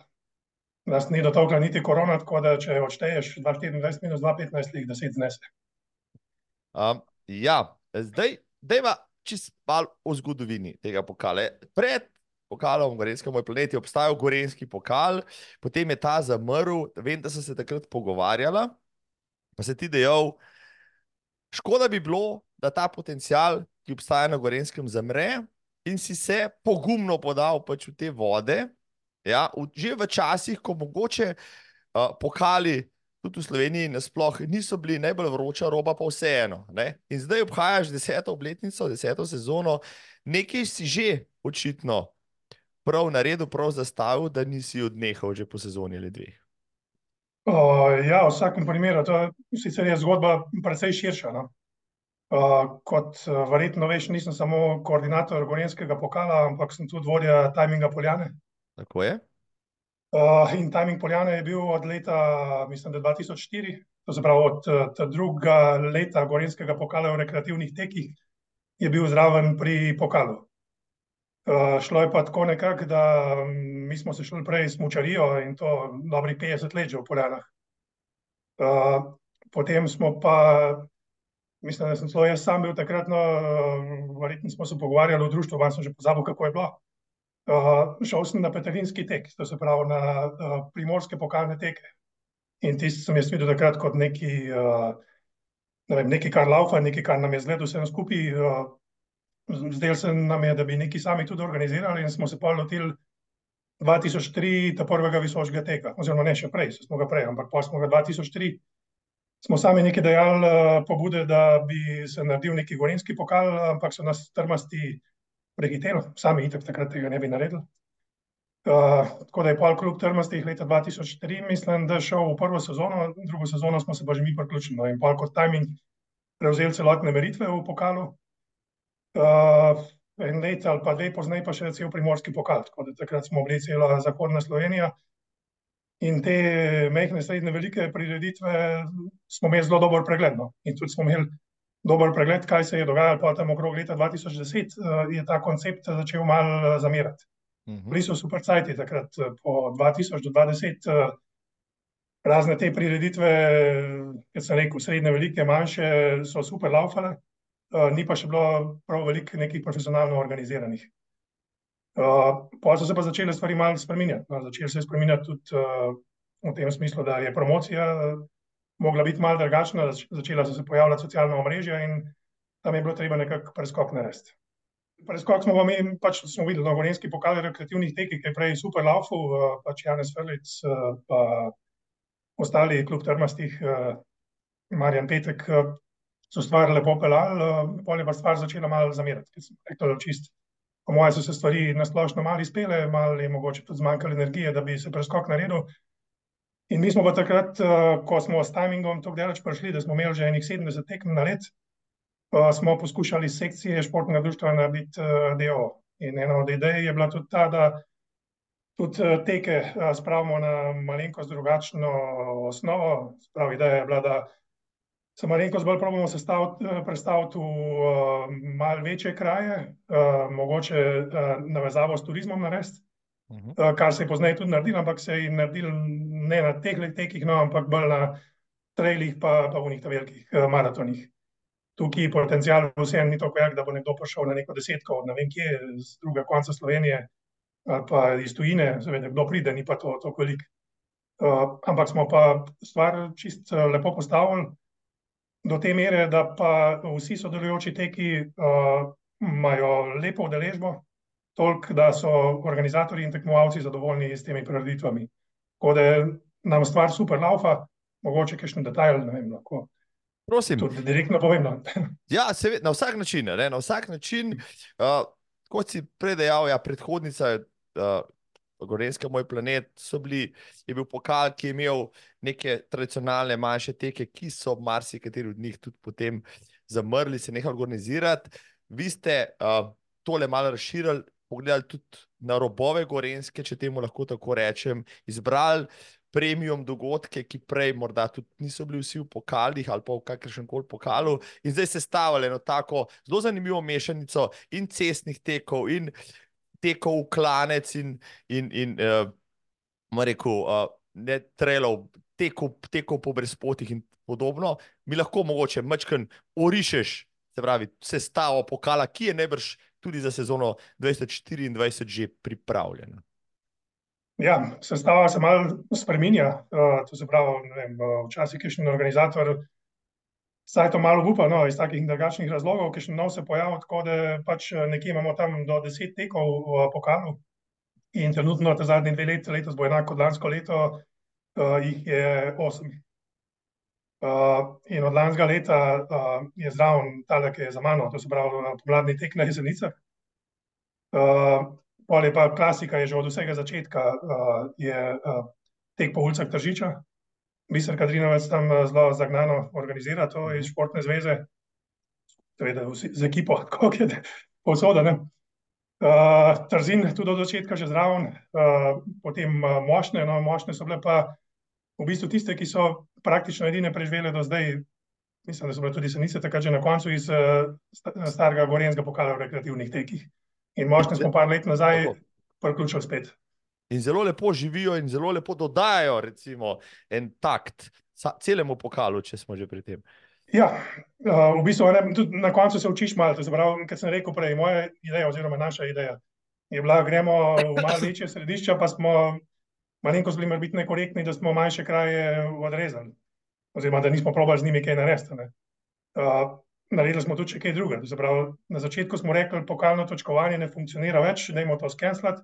In smo se šli samo zbiranje udeležb, ampak pol na koncu vidiš, da Sej super, da je, a ne, pa še zdaj imamo, ampak je malenkost premalo, pač rabiš tudi pokalno točkovanje eh, za dodatno motivacijo in smo tudi tisto nazaj uvedli. Tako da se malo učimo, malo dopolnjujemo in uh, ker sem rekel, no, jaz mislim, da stvar super funkcionira, tudi uh, imamo zelo korektne odnose z vsemi vključenimi organizatorji. Tudi sam že od vsega začetka pazimo, ne, da ne drezam preveč, ne vem, če kaj s tem, eh, poenotenje, naprimer celostne podobe je v interesu pokala, da imamo čim bolj poenoteno, ampak nismo s tem dožili. Smo pa na koncu čisto naravno prišli do tega, da imamo določene stvari poenotene, tudi zato, ker imamo pa res eh, privilegij, no, da še en polanc, ki se gre, ki se pomaga te stvari, je Matjaž Mazini, eh, ki ima že zdaj v Ljubljani, pa ima oblikovalski studio Mazini in eh, imamo ves material eh, profesionalno oblikovan. Kar za take rekel, še vedno mala materija, kot smo mi, eh, predstavlja soliden zalogaj finančni, ampak eh, čist lepo gre, pač delamo po pameti, eh, ima pa stvar neko celostno podobo. no. Vrednost. Ja, kar sem prej m, govorim prav konkretno o oblikovalski neki celostni podobi, ne samo o dodani vrednosti. Recimo sem, ke je prej bilo vprašanje, Gorenski pokal v rekreativnih tekih, zakaj je zamrl. Bile so zadeve super organizirane do, do takrat, ampak ko je bilo treba preskok narediti eh, na malenkost bolj profesionalno raven, tudi s CGP, celostno grafično podobo in podobnimi stvarmi, tam tega preskoka pa ni bilo. Uh, in tle smo se mi solidno postavili. No, in dejansko jaz imam občutek, da, sem, da smo na zelo trdni osnovi. In tudi, uh, če to povem čisto osebno, meni je ta glavni užitek dejansko, ko se stvari zložijo skupaj. Ko imaš ti, ja, da, se, da je tekma lepo organizirana, da so ljudje zadovoljni, sigurno ta glavni vidik, ampak eh, meni je, ta, meni je super tudi, uh, vem, če se bo videla tukaj uh, štartna številka, jo, tako je, dan pa se še kar dobro. 13, ja, ja malo se še vidi. Ja, Tu, ali tako. 13, ko imam. Kranjskogorska desetka, ne, tukaj je cela znanost gor. Uh, to smo z Matjažem uh, Gruntela, to se pravi, spodi, spodi je del od pokala, uh, vmes normalno uh, številka pa naziv prireditve, na vrh ima pa organizator plac za svoje stvari. In, ki sem rekel prej, ta korektnost. Vse je premišljeno, da ima vsak svoj plac, da ni noben- da nobenega ven ne zrineš, pa še paziš, da daš na ta prav, eh, na ta prav mest uh, logotipe, ta prave. Uh, in na koncu je en vesele pogledati, ker je ena taka harmonija, neki, ena ideja, ki špila. ne. Prav. In ki lahko vedno, vedno stojiš za njo, in ki so na koncu vsi zadovoljni. Ja, in na koncu jo tudi tekači zaznajo, morda ne, če ne vedno zavestno, pa tudi podzavedno, ko se udeležujejo teh tekem in nekako vlečejo usporednice, če smo že pri tem. No, jaz sem bil na neki tekih, mislim, da dve leti nazaj, takrat nikoli ne bom pozabil tistega klanca proti tržiškemu Britofu, ja, šestkrat zapored. Mhm. Ja. Mislim, da nikoli več ne grem tja, z vsem spoštovanjem do biserke, ampak tisto pa je morilsko, hecam se, super je, pridite v držič, to morate provat. Jaz sem rekel, moram provat to reč, to je klasika. Mošne sem proval, seveda, uh, ravno. V prejšnji epizodi sem se pogovarjal z letošnjim prvakom uh, pokala Gorenska, moj planet, s Privožem Piškurjem, ki je pohvalil, ki, ki je mošne postavil kot enega od ciljev lanske sezone, ki ga je uspel poleg pokala usvojiti in tako naprej. Uh, pa Kranjska gora si že omenil, Miklaužu se zaključuje pokal, pri Kamniku se recimo, se pravi, ta Gorenska je večja, kot smo si mislili, ne? mogoče od Kranjske gore do Kamnika in tako naprej. Uh, še kakšna posebnost, novost morda v letošnji jubilejni deseti sezoni, ki jo pripravljate za tekače? Hm. Ne vem, če smem vse povedati, kdaj prej moramo pripraviti. No, lahko, Včasih malo časa kar smeš. delamo na tem. A veš, a veš, kaj je novost? Lik danes sem menil uh, pač uh, detajle. Nismo do zdaj še nobenih mačk zrihtali za sam pokal. To se pravi, organizatorji so imeli svoje majice letos smo se pa lotili, no, da naredimo neke malo boljše majice za, za Gorensko moj planet. Tako da to bo sigurno ena novost. Ta druga novost, kjer se že nekaj cajta matramo skupaj s studiom Mazini, pa malenkost cajta zmanjka. Jaz nikoli nimam dosti cajta, to je problem. uh, moram še jaz svoje dodelati na koncu in bomo lansirali novo spletno stran, ker je tako, da imamo zdaj že malenkost zastarela in moramo iti naprej. Ja, to si omenil. Ja, jo nestrpno pričakujemo, seveda. Prišlek, novodošli tekač, ki bi v letu 2024 uh, sodeloval v Gorenskem pokalu, kaj mora narediti, da je pač uh, v skupnem točkovanju, pride samo na prvo tekmo in takrat naprej poskrbite vse, uh, in timing uh, poljane in pač pokal za njim, ali mora še kaj posebej, ki odkljukati. Ne, nič ni treba. To se pravi, samo da se pojavi, ga sistem zagrabi in ga, in ga evidentira. Vodi, ja. Obstaja obvezna udeležba, se pravi, osem tekov, si rekel, tudi letos v planu, koliko jih mora narediti tekač, da je pač opravil pokal, če, če temu tako rečemo. Uh, odvisno, kaj pomeni opravil pokal, to se pravi, tisto, kar so prej rekla, zbiranje udeležb eh, za, za ključne nagrade, uh, da pokažem, da je to najbolj enostavno, so pa še praktične uh, uh -huh. diplomce. Uh -huh. uh, je treba zbrati uh, vsaj uh, pet uh, udeležb tisti, ki bodo imeli vsaj pet od osmih, uh, dobijo zaključne nagrade in diplomo. Uh, za samo točkovanje pokalno se pa šteje šest najboljših, če si ta sedmič, zna biti, da se ti našteje, če ne pre, prehiti svojih najboljših rezultatov, svojih prejšnjih rezultatov. Na Gorenski pokal hodijo dobri tekači, ne samo z Gorenske, tudi širše, ali kako, da je nekakšno demografijo, si gotov, kot bo rekel, timingovec, pa, pa statistik najbrž tudi potegnil ven. Uh, je to kranski bazen, so, to, so tudi to outsideri, že prej si nekaj omenil. Uh, je cilj sploh mogoče reklamirati pokal izven Gorenske regije ali že na Gorenskem dovolj materijala, ki ga je treba spraviti? Ja? Daj, kar se tiče dovolj ali ne dovolj, je po mojem, dosti tekačev na Gorenskem z tega vidika ni problema, ampak eh, dejstvo pa je, da je pa cilj, da se stvar vidi tudi eh, širše. Tudi eh, če noben ne pride, je, je že to, da se stvar vidi, je dosežen nek cilj. Tako da v vsakem primeru je v našem interesu, da je stvar vidna širše in tudi pridejo tekači uh, z drugih koncev, ne pa seveda masovno. Če ti povem, recimo, svojo teorijo, se ne vem, mogoče se motim za pol procenta, pa dol, pa mogoče za deset. Zvoli. Ampak moja teorija je, da na vsaki prireditvi je tam 70% udeležencev, mora biti lokalcev, 30% jih pa pridejo drugje. In pa je odvisno, če je to, uh, ne vem, dirka tam nekje v neki vasi, to pomeni vas plus minus 50 km so lokalci. Uh, če je to v Kranu, je Kran plus minus uh, se sameš Gorenska. Če je pa to Ljubljana, je pa Ljubljana plus minus Slovenija pa še malo zraven. Uh, In tle je isto, približno isto. Ni pa prav masovno, ne hodijo drugi. Je pa dejstvo, da je Gorenska se fajn drži v srednji Sloveniji, tako da je to cel bazen. To se pravi Gorenska plus srednja, tam Ljubljanska regija, pa še kakšno drugi tudi. No, tudi z ostalimi koordinatorji pokalo sem govoril, ja, vsi so pač zaznali, uh, da to, kot si rekel, po letu 2010 uh, se je morda ta trend zanimanja za pokale mal zmanjšal, vseeno obstajate, živite in brcate naprej.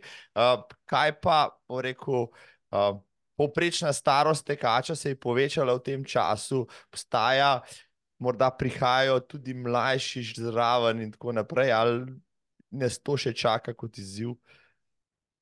Tega ne znam čist povedati, čeprav znam še kar dobro povedati. No, to se pravi, povprečna starost je sigurno tam nekje okoli 40, oziroma prej bi rekel več.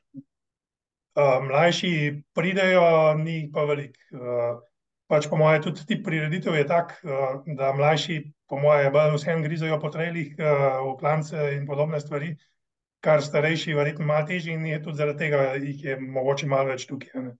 Plus čist sam ti prireditve, plus še kaj druga. Recimo, ne vem, mi delamo čist korektno promocijo na Facebooku, ne delamo jo pa naprimer na Instagramu se moramo spraviti tja in uh, sigurno tam še kjer ga spravimo zraven, tudi tam mladi. Pa na TikToku. Pač, Če to veš, kaj to je, ker jaz komi.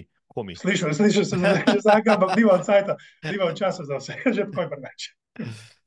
Um, pa dejva zaključiti, ne vem, pa še mogoče s pogledom v prihodnost, jasno. Zdaj, uh, z ostalimi sem se tudi že pogovarjal.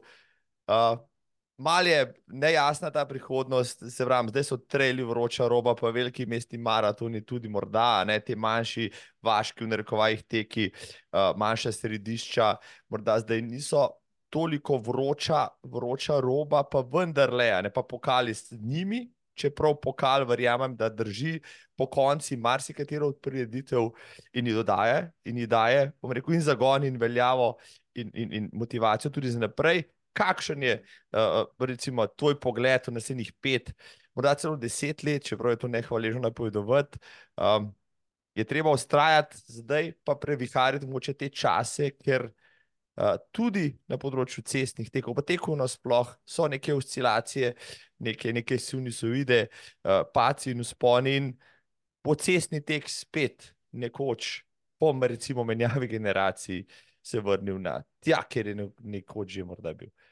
Zanimivo vprašanje, uh, pa še, še kar kompleksno. Jaz mislim, da, da niti ni kaj dosti uh, drge, kjer je bil. Dejstvo je, da takrat, uh, po med 2000 in 2020, uh, je bil nerealno visoko, tudi zaradi tega, ker ni bilo kaj dosti druga in so se vsi tam zbirali. Uh, ampak, če stvar postaviš tako, kot pri nas, mislim, da je postavljena, uh, stvar funkcionira.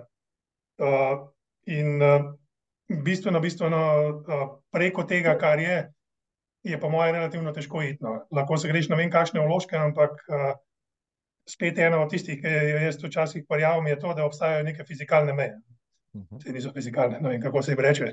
Neke fizikalne meje, da na določenem tipu prireditve ti čez ne boš prišel.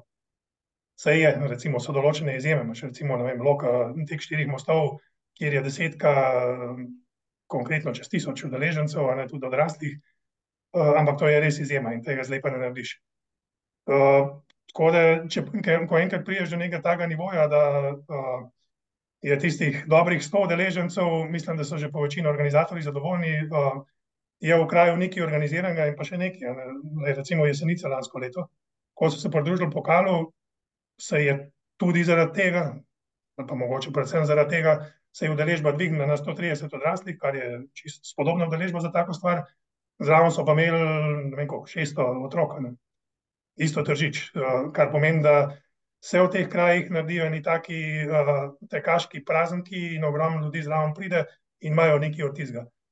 In tisto, kar se meni škoda, zdi pa vsem skupaj, to sem se že kdaj, ne vem, s fundacijo za šport uh, pregovarjal.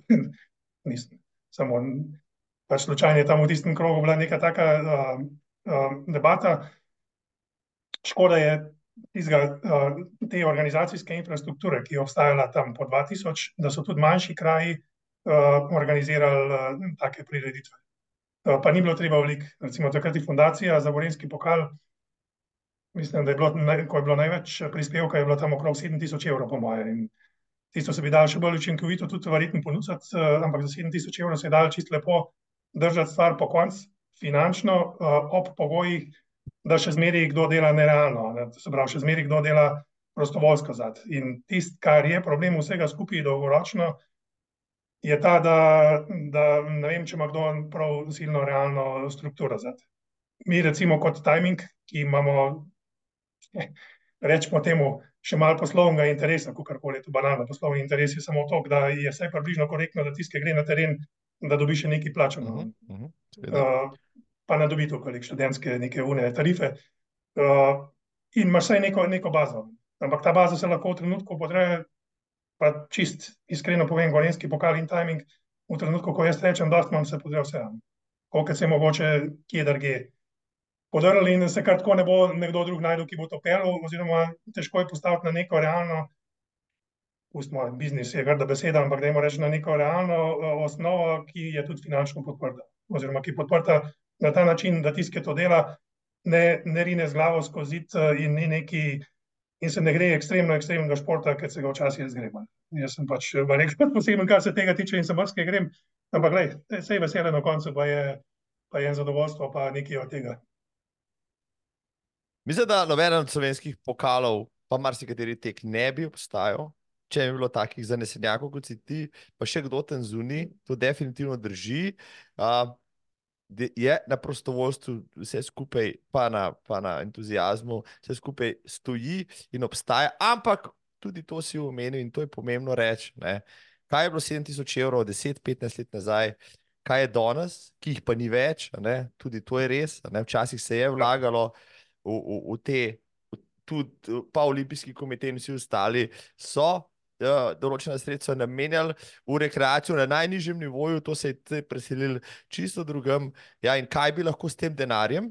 Pa jaz nisem nek, rekel, velik zagovornik javnega denarja, jaz sem v zmeri za človek, ki je rekel, da postavimo zadeve na trg in pripričamo tekače in bomo z tega ven naredili. Ampak po drugi strani pa včasih vidiš pač netransparentno in neekonomično trošenje kakšnega javnega denarja, si rečeš, kaj bi že s tem, kot si rekel, 7000 evri lahko naredili, recimo ne, uh, v nekem manjšem kraju, pa kako bi dvignili. Rekel, pa kaj bi kraju doprinesel, da ne rečem tekačem, in, in, in tako naprej. Tako da, uh, to je debata, spet za kakšnem pivu, dragi Aleš, da to nadaljujeva. Uh, kaj so še pozabili v Gorenskem pokalu, pokalu Gorenska moj planet povedati, razen da povabiva tekače. Navežem se na tisto, kar si prej rekel, no, da se pravi, tistih pustimo 7000 evrov, ja, ampak 7000 evrov je tak nar, s katerim se da stvar že kar solidno, korektno pokriti. Tako je, tako je. Je problem v preteklih zadevah, da, da je težko priti do sponzorskih sredstev. Um, lej, mogoče, če so to pravi ljudje, pa če imajo se cajt s tem ukvarjati, pa če znajo ta prava vrata odpreti, se tudi danes da dobitno. Ampak za tako le stvar, ki je tole, je oglaševalsko malenkost premalo zanimiva, da bi se nekdo zaradi tega odločil, čeprav je že nekaj, kljub vsemu ene stvari, ne, ampak premalo ob vseh ostalih možnostih. In na koncu težko skozi priješ drugače, da nekje enega poznaš, pa ti da na koncu ob, vsej, ob vsem trudu, ob vseh, lej, da pokažem še eno stvar. Evo, brošura, ne vem kakšna, to smo z Mazinijem delala na 20-30 straneh. Eh, na koncu ne prepričaš zdaj pa ne, ne nikoga, ne prepričaš ne svojega kolega, ki ti pomaga v radu. Ja, tako, prav, prav, prav. In na ta način laufa stvar. ja. Ni pa škoda, da ni malenkost, malenkost, bolj, ker bi Ma se lahko bi mogel še vedno delati to v svojem prostem času na pol prostovoljsko, ampak uh, stvar bi malenkost bila, bila namazana. Malenkost več bi se dal narediti, to je tisto, kar vsi želimo. Ne? Eh, vsi, ki delamo o tem, bi si želeli tekačem ponuditi res čudovito izkušnjo, ne? pa ne za to zmeriti po kolenih za kom, da si potem lahko prvošiš minimum. Ja, se strinjava, ja, debata, ki, ram, ki bi jo lahko razširila. Uh, dragi Aleš, uh, hvala ti. Uh, uh, za tvoj pogled v Gorenski pokal, spoštovane tekačice, dragi tekači. Ja, treba bo počasi začeti ja, brusiti pete tudi na cesti, ne, ja, ne samo na kavču, pejte ven, 16. marca si dejal, pa prvi tek na jesenicah. 16. marca začnemo na jesenicah, 6. aprila na to že koj v Tržiču, potem sledi Trzin, tako da lahko na polno že spomlad. Hvala, Marja, za vabilo. Veseljem. Jaz moram vezno povabiti tekače, da pridejo na Gorensko pogled. Gorenska, moj planet, ta mal planet, evo, zdaj ga bomo še na majce dal, super planetek, pridite ga pogledati. Deseta jubilejna sezona, eh, pokala Gorenska, moj planet, vabljeni, dobrodošli, hvala, Leš. Uh, se uh, vidiva in slišiva, ko bo oba mal na boljšem glasu. Hvala, hvala živijo. Čau.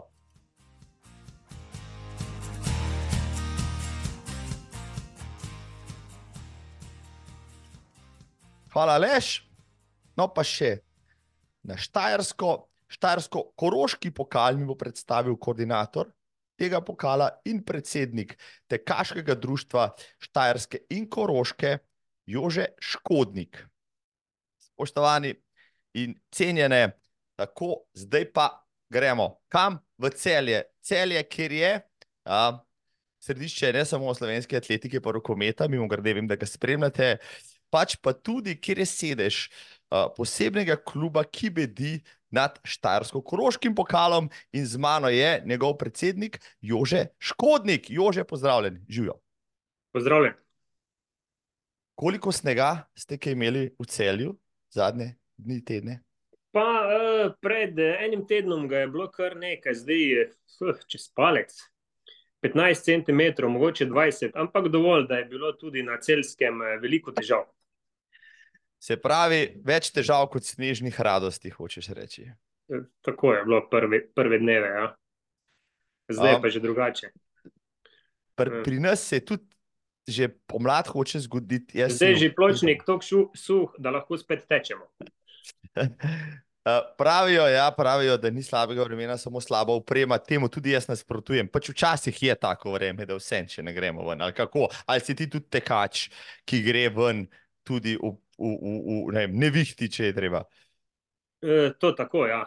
E, sej, statistično trikrat v življenju sem šel ven, pa sem se recimo prej kot po dveh kilometrih obrnil zaradi tega, ker vreme ni bilo dovolj ugodno.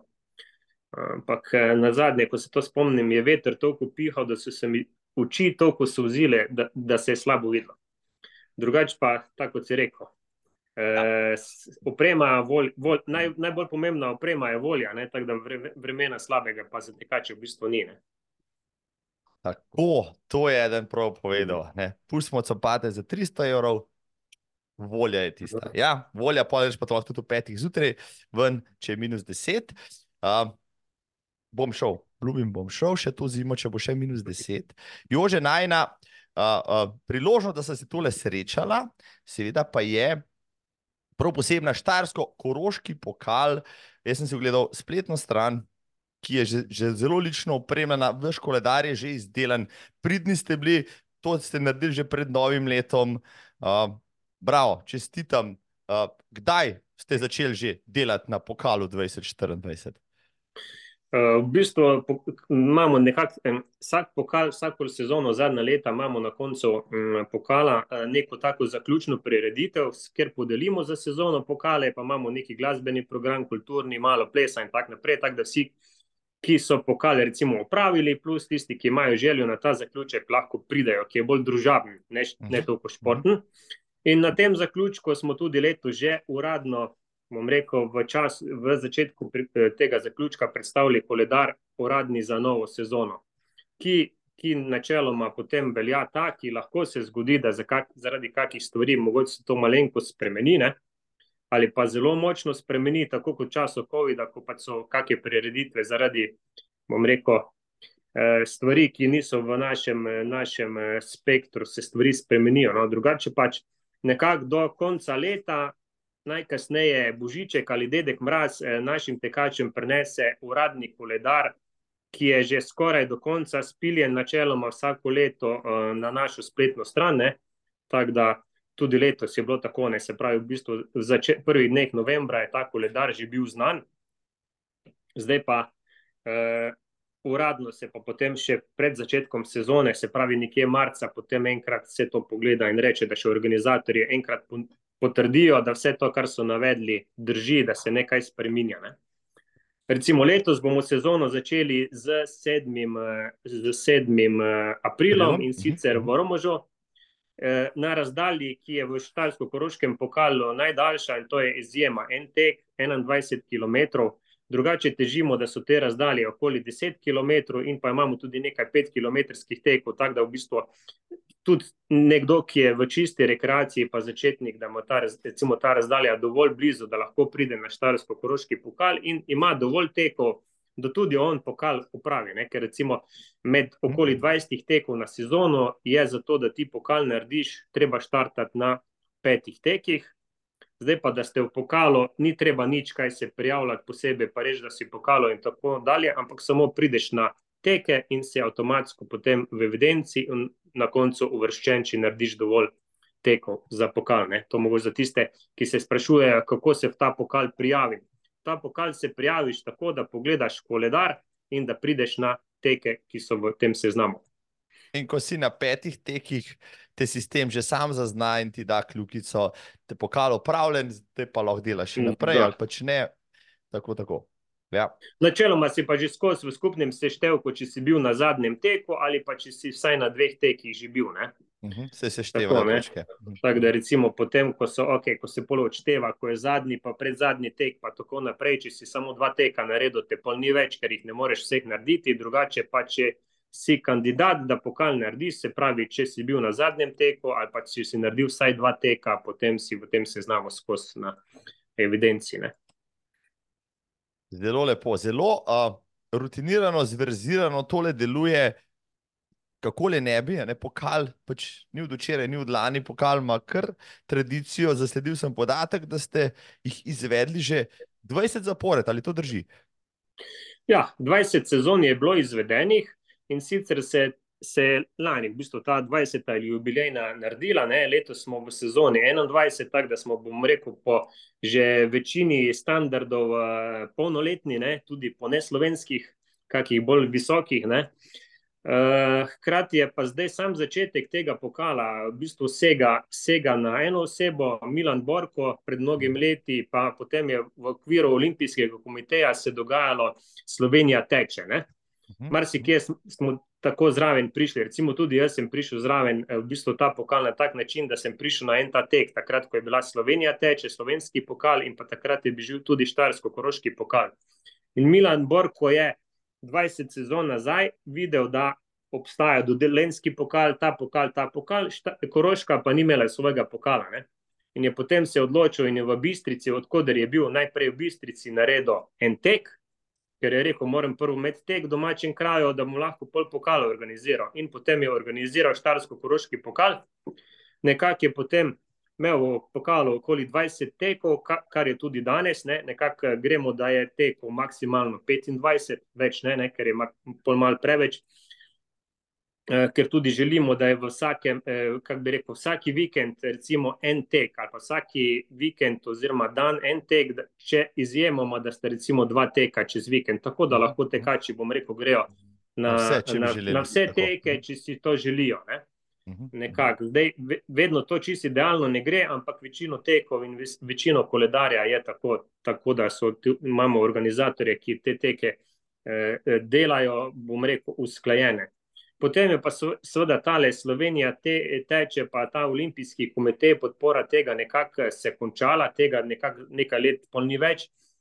In takrat Milan tudi sam za tajnico ni zmogel in je potem se pač obrnil na neki tekaških navdušencev, pa je tudi želel to predati nekomu. In takrat smo ustanovili eh, tekaško društvo Štarske in Koroške, ki ima glavno nalogo, da v bistvu skrbi za ta pokal naprej. In takrat smo tudi, bom rekel, neke standarde, točkovanje za teke, priporočila za eh, teke, za organizatorje in to koordinacijo dvignili mal na višji nivo.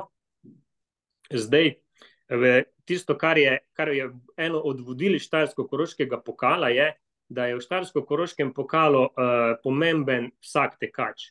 Hiter, počasen, mlad, star in tako naprej. Uh, in se v bistvu potem tudi organizatorjem, bom rekel, da je ta, ta imperativ, da se poskrbi za vsakega tekača.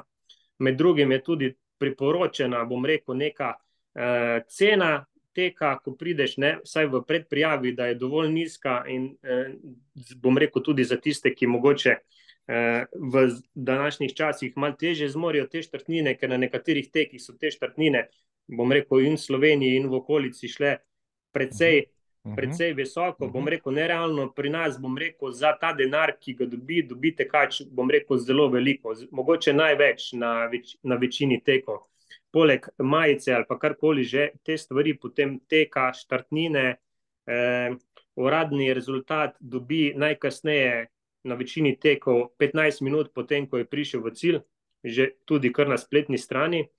Eh, pa hkrati topel obrok, in na večini tekov je poskrbljeno tudi to, da tudi tisti, ki recimo, bom rekel, raje jejo poteko brezmesno, da imajo tudi to, to ja. možnost.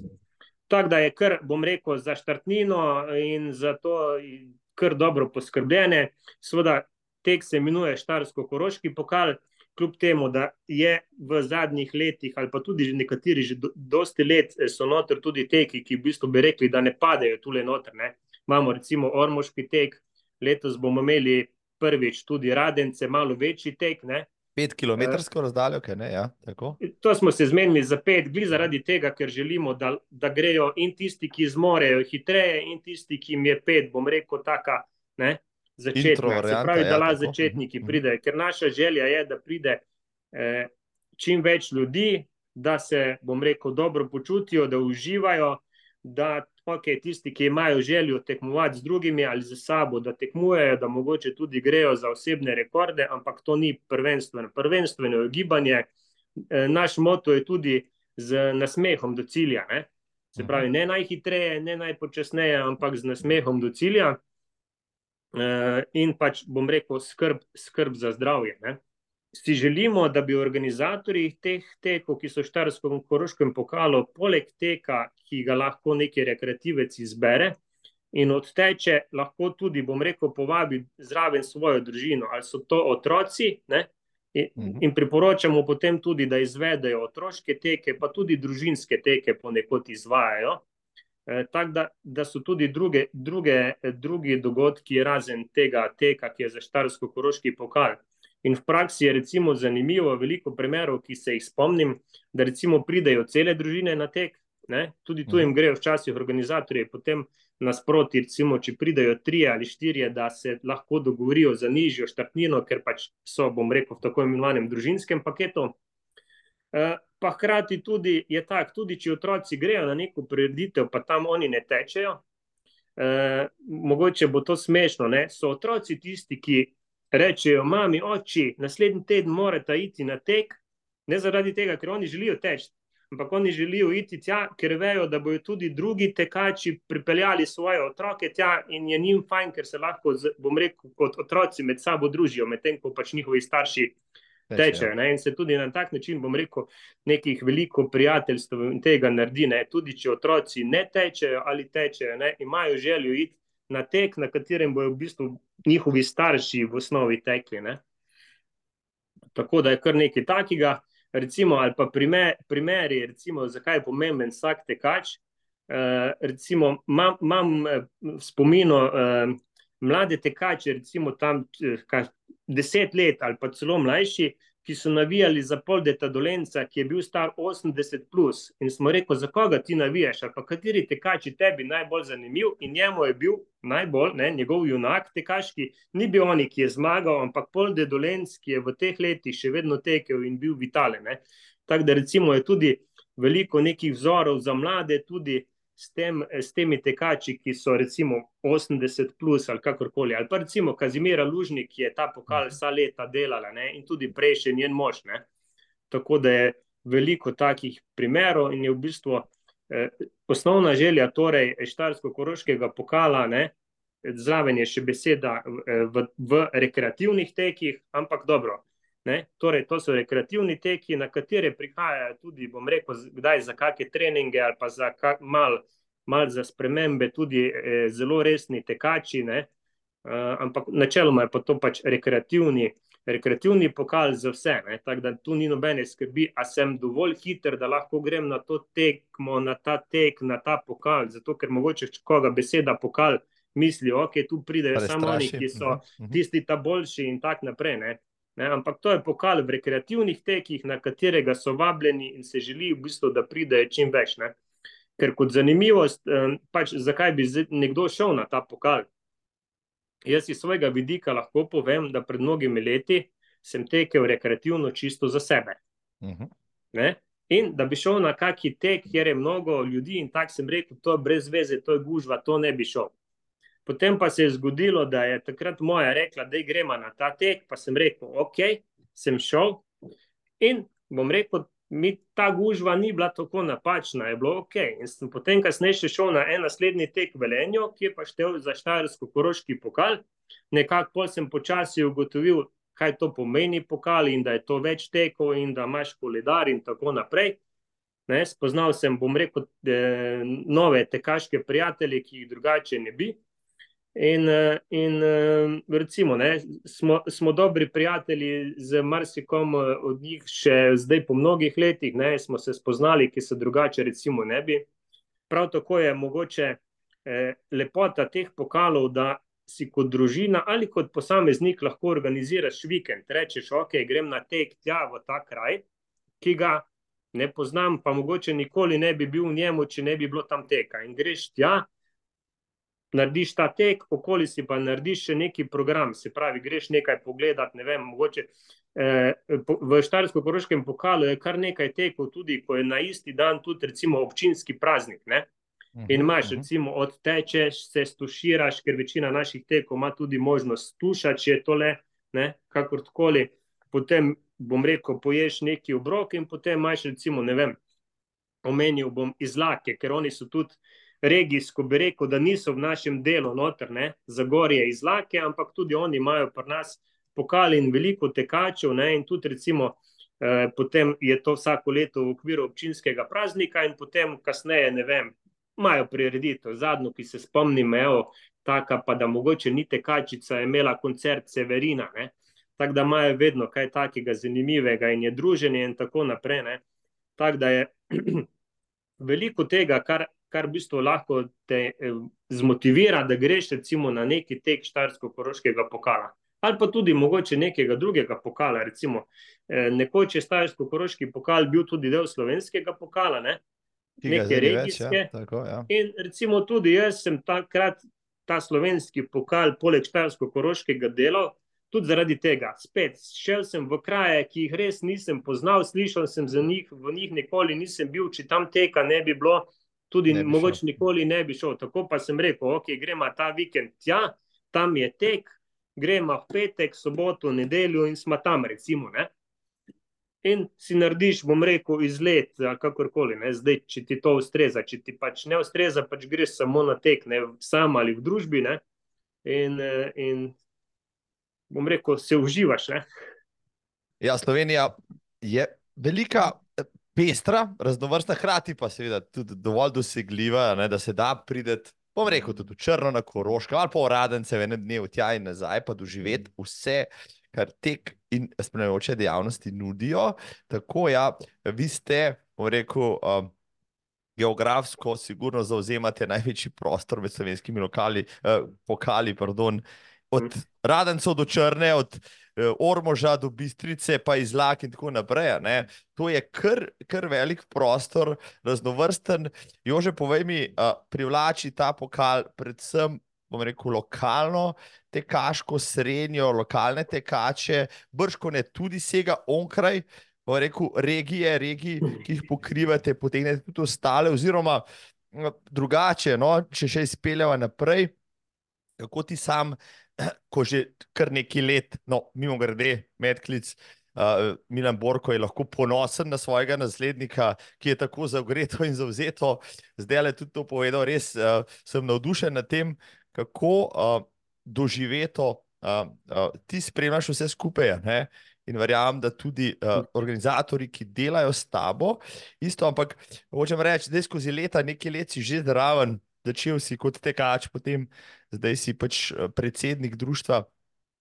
Kakšni so trendi, kdaj eh, je, pokal, je, je pokalno udejstovanje, oziroma pokal sam zdaj, ne vem, stagnira, zadeva mogoče uh, se zmanjšuje med, v popularnosti, ali pač ravno obratno, so bile že slabša leta, kdaj je bilo najbolje zorganizirati pokal, kakšni, uh, kako ti gledaš na, na vse skupaj, oziroma na te rekel, sinusoide, ki so brškone prisotne tudi na tem segmentu Mhm. tekaške rekreacije.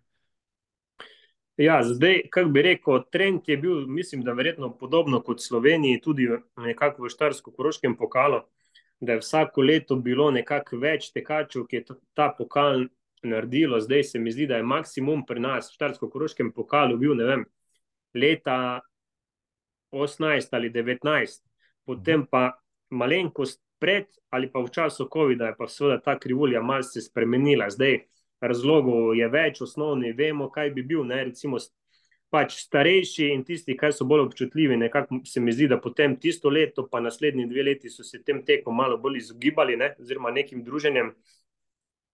Hkrati se je pa mogoče v samem pokalu takrat zgodilo še to, da je kar nekaj ljudi se odločilo, da gre iz teh klasičnih, bom rekel, cestnih tekov, mogoče bolj v neke traile in podobno. Ne ki so tudi v redu ne, in fajni, ne, in imamo tudi te, eh, te pokale, zdaj pa eh, mogoče, mogoče, da je neka sprememba, tudi recimo, ko si omenil dolenski pokal, nekako. Eh, Mogoče se nekako počasi zmanjšuje število, število mladih na teh pokalih, ne?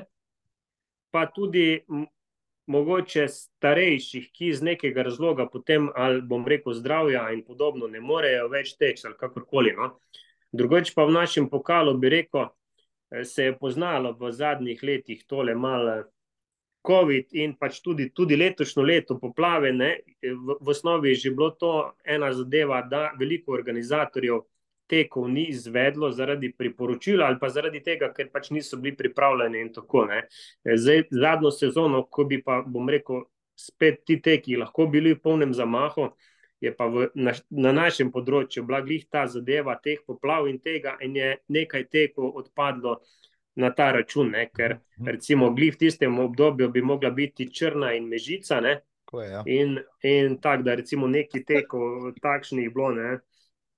Čeprav recimo iz Lake, ki so glih tisti prvi vikend prišle in so, bom rekel, iz solidarnosti vsega tega tek bi lahko izvedli, pa so rekli, da ga ne bojo, so ga kasneje predstavili in so ga septembra, kljub temu, da takrat pač niso imeli te velike podpore občine, ker ni bil občinski praznik, so ta tek eh, vzorno izvedli in je, bom rekel, zelo dobra polovica teh tekačev, ki so bili prijavljeni na avgustovski termin, so vseeno tudi septembra pol našli, našli, bom rekel, varianto in so na ta tek prišli, ne kljub temu, da je bil pač, bom rekel, približno za en mesec predstavljen. Tako da tisti tekači, ki pač nekako eh, izberejo Štajersko-Koroški pokal, no, bom rekel, so vsa leta tisto jedro ali pa baza, bi rekel, večinoma hodi. Se pač, bom rekel, najdejo ljudi, ki iz določenih razlogov, pač recimo eno leto ali pa dve leti ali pa nekaj let delajo pokal, potem pa naredijo neke spremembe, pa rečejo, bomo nekaj drugega. Ne? Recimo pri nas imamo zadnja leta veliko tudi dolenskih tekačev, ne? kljub temu, da še njihov pokal eh, tekel, so nekako prihajali k nam, zdaj pa, če bo to sezono brez, brez tega, ne? pač so še toliko bolj dobrodošli. Um, in so že prej znali pohvaliti, ker smo jih vprašali, zakaj hodijo na teke v našem pokalu. So znali pohvaliti, da pač je v teh tekih, teh organizacij, ne, ki jo, bom rekel, mi kot društvo koordiniramo in pač organizatori teh tekov izvajajo, da je nekaj več za tekače, kar se tiče in slovenskega prostora in okolja. Ker tudi, če gremo na neke teke, rečemo v Avstrijo ali pa kjer druge, vidimo, da za enako štrtnino ali višjo štrtnino tekač samo odteče in ne dobi nič kaj druga. Ne. Tu pri nas je pa kar nek, nekaj več teh stvari, plus to, kar sem pač ti prej omenil, nekako, da organizatorje neke stvari ponudijo. Zdaj pač tudi naše društvo deluje, ne. imamo pač izvršni odbor, pa nadzorni, pa disciplinsko komisijo, tako da imamo, bom rekel, enih 12 do 14 teh uradnih članov, ki skrbimo za to, da te stvari tečejo, v glavnem je pač to, eh, bom rekel, naše navdušenje in volontersko delo. Ne? Zdaj, za enega je to že preveč, da bi bil taki nivo, kot je nekako tole zdaj. Ne? Kljub temu, da pač stvari znajo teči še nekaj časa dobro, ker so pač na nek nivo bile pripeljane ne? in tudi organizatorji, bom rekel, eh, kar dobro sodelujemo. Vsako leto se sicer vedno znova potem vprašamo, ali lahko kaj ponudimo novega, kaj spremenimo in tako naprej, ampak eh, zdaj nekih velikih, velikih sprememb ni, ker pač, bom rekel, organizatori so zadovoljni s tako izvedbo, kot je. Zdaj, vedno pa tudi predloge tekačev upoštevamo in tudi temu. Ne? Zaradi tega tudi, bom rekel, je v letošnji sezoni, ker je bila velika želja, da bi bilo več teh krajših razdalj. Imamo ponove mradence, ki imajo 5 km, imamo tek, eh, tek tukaj v bližnjem Vojniku, ki bo prvič letos v programu in bo tudi imel 5 km. Se pravi, da imamo razdalje, ki so primerne v bistvu za vsakega tekača, ne začetnika tudi. Ja, iz... Zdaj, kam bo pa ta trend šel, Mhm. tekov in kako bo, ne, mi v bistvu imamo, bom rekel, te neko eh, manjše teke, čeprav recimo Bistrica in ti teki so že pred leti znali imeti več kot tisoč udeležencev na enem teku, ne, Uh, ampak to, to, to, to je bilo mogoče na račun tega, da je bilo zelo veliko tudi teh mladih, ne, otroških tekov in tega. Uh -huh. Tako da, tak, da zdaj, recimo, letos bomo prvič, prvič dejansko vključili uh, en, ki ni samo originalni tek, ampak je, bom rekel, neki internacionalni tek, to so radenci. Ne, da je tu, bom rekel, spekter, spekter in množica odraslih tekačev, ko pride na taki tek, bo zdaj večja. Ne. Do zdaj smo imeli, recimo, mi smo imeli v pokalu tudi do pred kratkim, tudi kaki tek, kar, kar ni veliko tega več v teh letih Sloveniji, da ste prišli na tek, kjer ste imeli štrtnino, topel obrok, mogoče še majico in še kakšno stvar za stojn. Torej, v zadnjih letih in to je bil v Markovcih Markoton, uh -huh, uh -huh. Kjer, kjer, kjer je bilo pa toliko tekačev, da so morali potem zadeve vseeno omejiti, ne? ker eh, infrastruktura in pač ta del, ki ga imajo, jim ne dovoljuje, da bi lahko dovolili ve, več kot 500 odraslim tekačem, da pride. Eh, eh, zdaj pa izzivi, ki so, so tudi posamezni teki in organizatorji. Eni, bom rekel, veliko je tega volonterskega dela in tako, in zdaj eni se zda, znajo bolj znajti, drugi manj, kakorkoli, da organizirajo, ker zdaj verjetno pr približno oba vema, koliko je, koliko je enega truda in stvari, ne, zato da se en taki tek, Dogodi, oziroma ja, taka tako. tekaška prireditev organizira. Ne. In eh, eh, imamo, bom rekel, zdaj le neke nove teke, ki so se vključili. Nekateri mogoče zdaj so začasno, ali pa mogoče za zavedno uh, nehali z to organizacijo, ampak veči, večina tekov, ki so pa tule na tem področju, pa nekako bom rekel, konstantno, kljub izzivom in to te teke še vedno izvajajo. Ne? Eni poskušajo tudi, bom rekel, uh, ciljno in namensko, tudi za svoj tek, že prej celo leto ali pa neko obdobje organizirati, da imajo tisti, ki želijo na ta tek priti, tudi neke tekaške priprave in tako naprej. Tako da To je pa zdaj od teka do teka različno. Ne? In tudi eni so bolj vešči teh, bom rekel, tekaških zadev, uh, in potem se to na tistih tekih tudi bolj pozna, kot pa recimo na kakih drugih tekih, kjer pa mogoče ni noben tekač, je glavni organizator, pa edini, ki kaj o tekih ve, mogoče nekdo, ki je včasih je metal kuglo ne? ali kaj podobnega, ampak nekako vsi se trudijo in so zadeve, bom rekel, uh, pač res. Če primerjam z kakimi teki, na katere hodimo izven Štarsko-Koroškega pokala, eh, ne, glede, glede, na, glede na sredstva in eh, vire, ki so na voljo za organizacijo teh tekov, bi rekel, pač, da so ti teki eh, vseeno ne, top nivo, ne, glede na to, kakšen je vložek ne, in kakšna je podpora. Uh, Jože, ogromno informacij si mi dal, ogromno stvari sem izvedel, verjamem, da tudi najne gledalke, najni poslušalci tam zunaj uh, marsikdo za strigo z ušesi ni poznal uh, Štajersko-Koroškega pokala in bo da zdaj za konec, še čist uh, eksaktna, tehnična, kje se navdušenci, ki do zdaj morda pokala niso poznali ali pa so se šele spoznali z njim, lahko najprej pogledajo koledar, se potem pozanimajo o detajlih, se prijavijo na posamezne teke in uh, kaj lahko potem pričakujejo, če izpolnijo pogoj, da so naredili pokal. In, in uh, Jože, izvoli še to. Okay. Ja. Zdaj, čisto osnovna zadeva je, greste na spletni brskalnik, ponovadi iščete zadeve na Google, pišete Štajersko-Koroški pokal v tekih in prvi zadetki, ki bodo tam, bodo linki do naše spletne strani, ki se imenuje tdšik.si in pa Facebook strani Štajersko-Koroški pokal v tekih tam so koledari in vse informacije, pravila, rezultati eh, sprotnih tekov, skupni rezultati v pokalu. Potem lahko pogledate tudi, kakšne stvari za nazaj, recimo arhiv in podobne stvari. Eh, potem so pa tudi linki do prijav na dotekov tekoče sezone. Zdaj, večino tekov trenutno je situacija pri nas, da tisti, ki na teh tekih zbira prijave in tudi meri čas, je nekako v tem našem, eh, našem področju v zadnjih letih postal pro-time. Tako da večino, na večino tekov je pol prijava in eh, na marsikakem tudi že mogoče tudi plačilo štartnine, že kar naprej, može na protime.si. Zdaj, poleg ravninskih tekov je v pokalu bilo uh, pred časom malo več tudi gorskih tekov, tudi takih zahtevnih gorskih tekov. Še vedno imamo zelo dobro organiziran in lepo obiskovan vsako leto tudi gorski tek na Goro Olko. Tako da tisti, ki poleg ravnin eh, želite, mogoče tudi malo tako, tako gordov, ne, je Gora Olka za vas. In pa tisti, ki hočete ne ravninsko 21, ampak malo bolj zahtevno. 21 je pa prvi letošnji tek v Ormožu, kjer pa je za pokal 21 km. Ne? Tako da to. Zdaj pa potem, ko boste pa v pokalu oziroma na naši strani TDŠX, imate tudi kontakte, pa maile, lahko pač pišete vprašanja in boste izvedli. Odgovore imate seveda tudi na Facebooku, potem ne, se pravi, smo rekli Štajersko-Koroški pokal v tekih, lahko tam vprašate.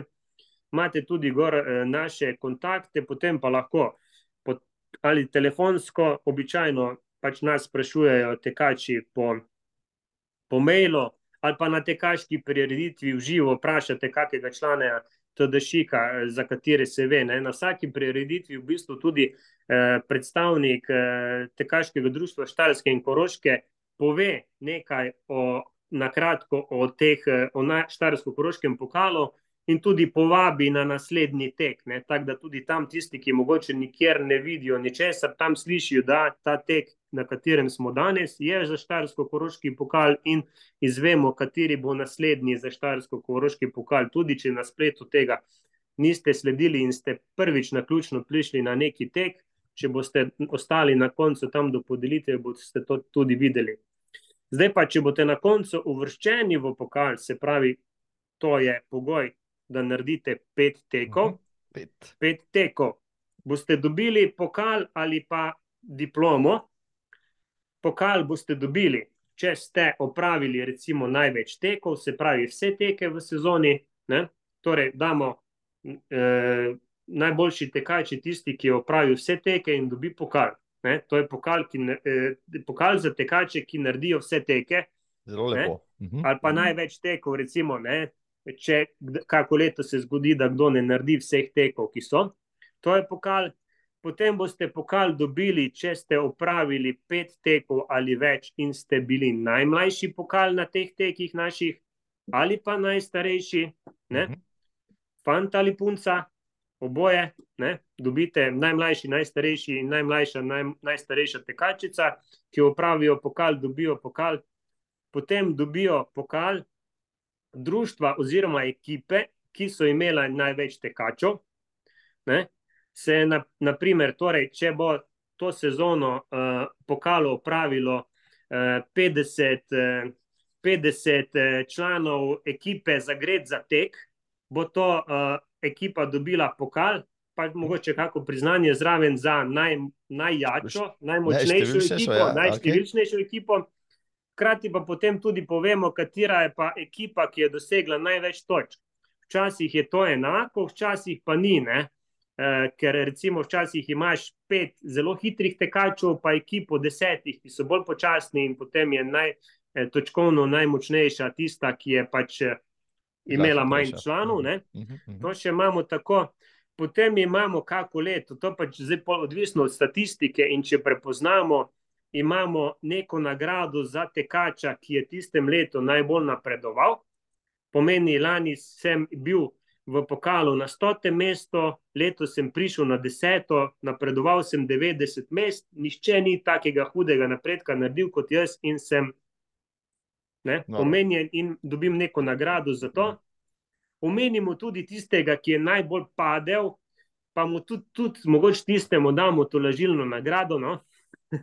Za spodbudo za naslednjo sezono. Ja, ampak, če letos najbolj padem, sem potem med eh, glavnimi kandidati, da drugo leto lahko spet najbolj zrastem. Ne?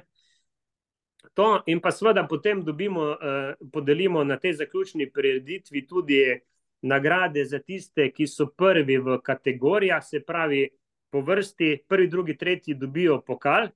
Kategorije v Štajersko-Koroškem pokalu so na pet let kar pomeni tekači do 19. leta, od 20. do 24. 20. 25. to kategorije in vse te stvari, kako, kako se točkuje. Ne? Imamo smučarski točkovnik, to je tudi napisano na spletni strani, imate te informacije gor.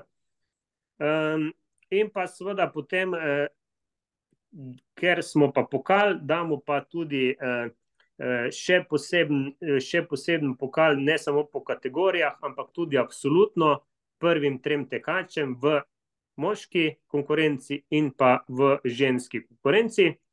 In pa vsi tekači, ki opravijo pokal, običajno in pridajo na to zaključno prireditev, so tudi pol v žrebu za neke dodatne nagrade, ki jih organizatori teh naših tekov prispevajo za zaključek pokala, ali pa jih dobimo od kakih sponzorjev. ne.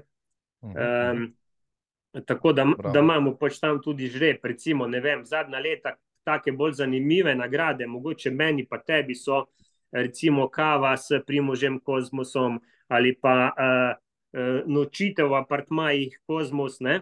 Mhm. Uh, Ja. ne, ta, tako da to, Lepo. to recimo, ali pa recimo eh, tekaška vadba en mesec v tekaški šoli eh, Živko, naprimer tu na Celskem, ali pa kava z znanim športnikom in trenerjem, pa dobro, tudi, tudi kakšne masaže in podobne stvari, pač, ali pa recimo, ne vem, copati in pač različno od leta do leta, pač to je pa čisto odvisno od tega, bom rekel, eh, kaj uspemo tisto leto dobiti, kakšna je sezona in tako naprej.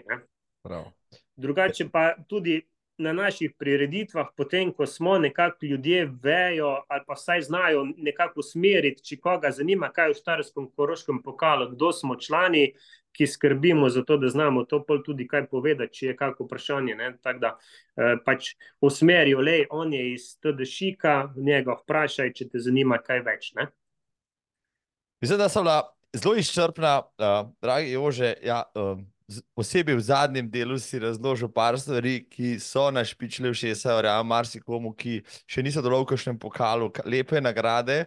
Um, Velike možnosti za uvrščati se, v reko na stopničke, pa za dobiti tisti pokal, pa evo, tekmovati. a ne. Zakaj so pokali še zmeraj popularni? Mislim, da si lepo odgovoril na to vprašanje. Tako da, draga publika, če še niste zajadrali na Štarsko, Koroško, pa malo pomorje, pa malo zasavje, tam se dogaja Štarsko-Koroški pokal, štart aprila. Vse bom polinkal tudi spodaj, Jože, tudi tvoje kontakte in kontakte od društva, da si ljudje lahko oblikujejo svoje koledarčke. In jaz se ti bom na tem mestu zahvalil za tvoj čas, uh, za tvojo energično predstavitev in seveda ti obljubil, da saj na eno tekmo Štarskega koroškega pokala letos pa pridem. Tako. Odlično. Odlično. Ja, nič, Marko, hvala ti za vabilo v tole, ne, v, za najbolj znano oddajo in podcast, kar se tiče teka v slovenskem prostoru. Tako da eh, to je tudi poklon za naš pokal. Z veseljem. Eh. Drugače, eh, vabljeni vsi, ki ste začetniki ali pa tudi bi samo radi začeli s tekom. Tudi to, s temi vprašanji se lahko na nas obrnete, ker imamo med nami tudi tekaške trenerje, ki vam bodo s tem svetovali, ne samo tekači, ki v tem pokalu tečejo. To je en razlog, da pridete. Drugi razlog, na naših tekih boste tekli z nasmehom do cilja. Marsikje boste našli tudi eh, fotografije, tako da boste tudi lahko eh, dobili foto za Facebook, Insta ali karkoli eh, iz naših strani, kjer boste nasmejani. In pa, eh, recimo, če vam eh, povem, da zmagovalec eh, letošnjega Štarsko-Koroškega pokala je bil na Kanarskih otokih, takoj po zmagi. To mislim. To sicer zdaj, a je to povezano s tem, da je zmagal v pokalu, ali ne, to vam Pa pustim, da pustiva, ja. to naj bo tako. malo skrito, ampak tako je bilo. Takoj po zmagi v našem pokalu je z veseljem šel tja in rekel, da drugo leto pride spet na teke našega pokala. Evo, zdaj, če se letos ne bo udeležba na Štarsko-Koroškem pokalu povečala za 30%, nič nočem, evo, za piko ene in pod črto. Z mano je bil Jože Škodnik iz celja, Jože, te lepo te pozdravljam, srečno sezono, se vidiva tam zunaj. Hvala, Marko, enako in veliko uspehov tudi na tvojih tekaških podvigih in pa seveda na teh podcastih, ki jih imaš, ki se mi zdi, da so eden najboljših virov za vsakega tekača, začetnika ali naprednega. Uh, in v bistvu v domači deželi imamo najboljše tekaške informacije. Hvala, Jože, hvala, sem počaščen, srečno, srečno. Srečno. Čau. Hvala tudi tebi, Jože, in še častna omemba za konec. Do lanske sezone še kako živ dolenski tekaški pokal se je poslovil. Več o tem pa mi bo povedal dosedanji vodja pokala in predsednik društva Maraton Novo mesto Aleš Lindič. No in za konec, za piko na i, ja, sem poklical še, rad bi rekel, v novo mesto, ampak imam občutek, ne, da vse stranski tekač, organizator in človek uh, za vse, uh, Aleš Lindič ni zdaj na dolenskem. Kje sem te dobil, Aleš? Trenutno, Marko, si me dobil v Strunjanu. To so pameten človek, na toplo si šel. A na priprave. Uh, v bistvu en vikend pobeg, ja, pa končno, da sem lahko na soncu tudi en malo bolj kvaliteten trening naredil. Ja, bomo, bomo pogledali pol na stravo, ja, kaj si naredil. Ja, noro, noro letos treniraš ja, z atleti, pa um, hitro, pa nekaj obeta letošnja sezona za Aleša Liniča, morda zato, ker ne bo imel toliko dela. Dela pa z koordiniranjem in vodenjem dolenskega pokala, ki se. Vse nas je malo presenetila ta novica, prejšnji teden poslavlja. Se pravi, lanska sezona je bila zadnja, teki dolenske, ki so bili na sceni dolgih 23 let, letos ne bojo seštevali točk. Ali to drži, Aleš? Uh, res je. Uh, na zadnjem občnem zboru v bistvu smo imeli še zadnjo um, debato glede tega pokala. Na znanje vsem članom smo dali že uh, la, lansko leto, pred začetkom poletja, da iščemo v bistvu dva ali tri uh, osebe, ki bi bile pripravljene to voditi. Um, bilo je tako, kot je zadnje čase veliko, se pravi, zelo glasno, narejenega pa nič, ne malo, ampak nič. Meni je z tega vidika najbolj žal zaradi tega, ker uh, je moj oče eden od ustanoviteljev tega pokala, uh, skupaj še z dvema ostalima članoma, Edwardom Doljekom in pa Gordon Cvelberjem, uh, ki sta tudi še aktivna. Um, vendar prišlo je, se bom jaz rekel, nekako tako. Um, bili so časi začetka tega pokala, ko je bilo dejansko popraševanje veliko večje, kot je bila ponudba samih tekaških eh, prireditev. Uh, takrat se je v bistvu tudi društvo ustanovilo z tem namenom, da poveže vse te organizatorje, naredi skupna pravila in z tega vidika tekmovanje privlačni širši množici. Um, tako kot večina tekaških preditev, smo svoj vrh dosegli. Um, ne bi pa rad, da bi na koncu, uh, bom rekel, padli kot sestreljeni jastreb. Uh, tako da jaz mislim, da uh, če smo mogli zaključiti, smo zaključili tako, da je bilo korektno, da nismo nobenemu organizatorju odpovedali sodelovanja, kar je bil že tudi, um, se pravi, eden izmed idej, ker je bil nivo nekje pač prenizek in dejansko pod vse te preditve smo podpisani mi. Uh, zdaj bom rekel, širši tekaški, lajčni javnosti, pa mogoče niti ni jasno, ali je organizator enega teka tisto društvo lokalno, ali smo mi kot nosilni organizator. Ne? In jaz se pa pač nisem pripravljen podpisovati pod ene preditve, ki so meni uh, narejene z levo roko ali pa močno pod nivojem, ki, ki, ki smo ga zasledovali in ki ga lahko ponudijo, se pravi, organizatori tekači. To je tudi ena izmed eh, velikih težav. V začetku so tekaške preditve organizirali tekači, tekaška društva, atletski klubi, uh, zadnje leta, uh, pa se pravi, je ta organizacija uh, brez zamere, ampak uh, na plečih raznih lovskih društev, gasilskih društev, pokojninskih društev, ki razen svoje preditve in pa spet, eh, brez zamere, ampak tega, da preko šanka oziroma jurčka eh, potegnejo svoje, eh, pač nimajo za vso ostalo promocijo, nagovarjanje množice, eh, skrbenje za to, da pridejo tekači nekam, da vse skupaj nekako zgleda, smo se pa ukvarjali mi. In eh, zdaj um, bom rekel, srce teh prireditev, manjših, lokalnih, je zagotovo to, da so ponujali v kraju domačim tekačem, se pravi vaščanom ali pa v kraju, priložnost, da sodelujejo na taki preditvi, da ne rabijo iti nekam, eh, se pravi v večje mestjo ali pa na večjo preditev. In na koncu je tako prišlo, da tudi te vasi oziroma manjši kraji niso imeli niti svojih tekačev več. Tako da se potem vprašaš o smislu tega, se pravi, da če ne bi mi kot pokal pripeljali tekače, ja, ne bi bilo to sploh, ne vidim namena.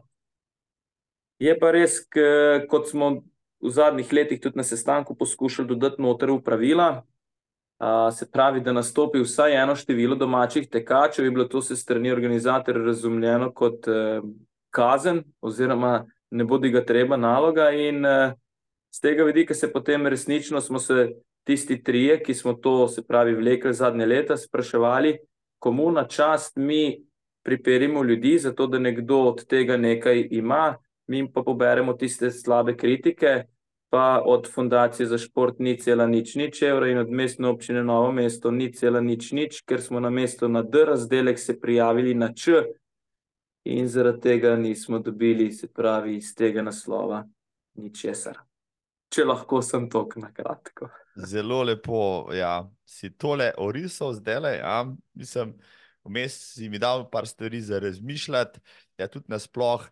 Uh, vse, kar si povedal, drži, tudi ostali predhodniki tvoji, s katerimi sem se pogovarjal, dejansko dajo veliko težo na to, da manjše, manjše ali srednje velike preditve, vaške, če hočeva, ne, če, že, če že tako se reče, da so uh, dodajale uh, neko sov srce, uh, rekel, skupnostim, tekaškim skupnostim in so jih poganjale zadnjih ne, 20 let.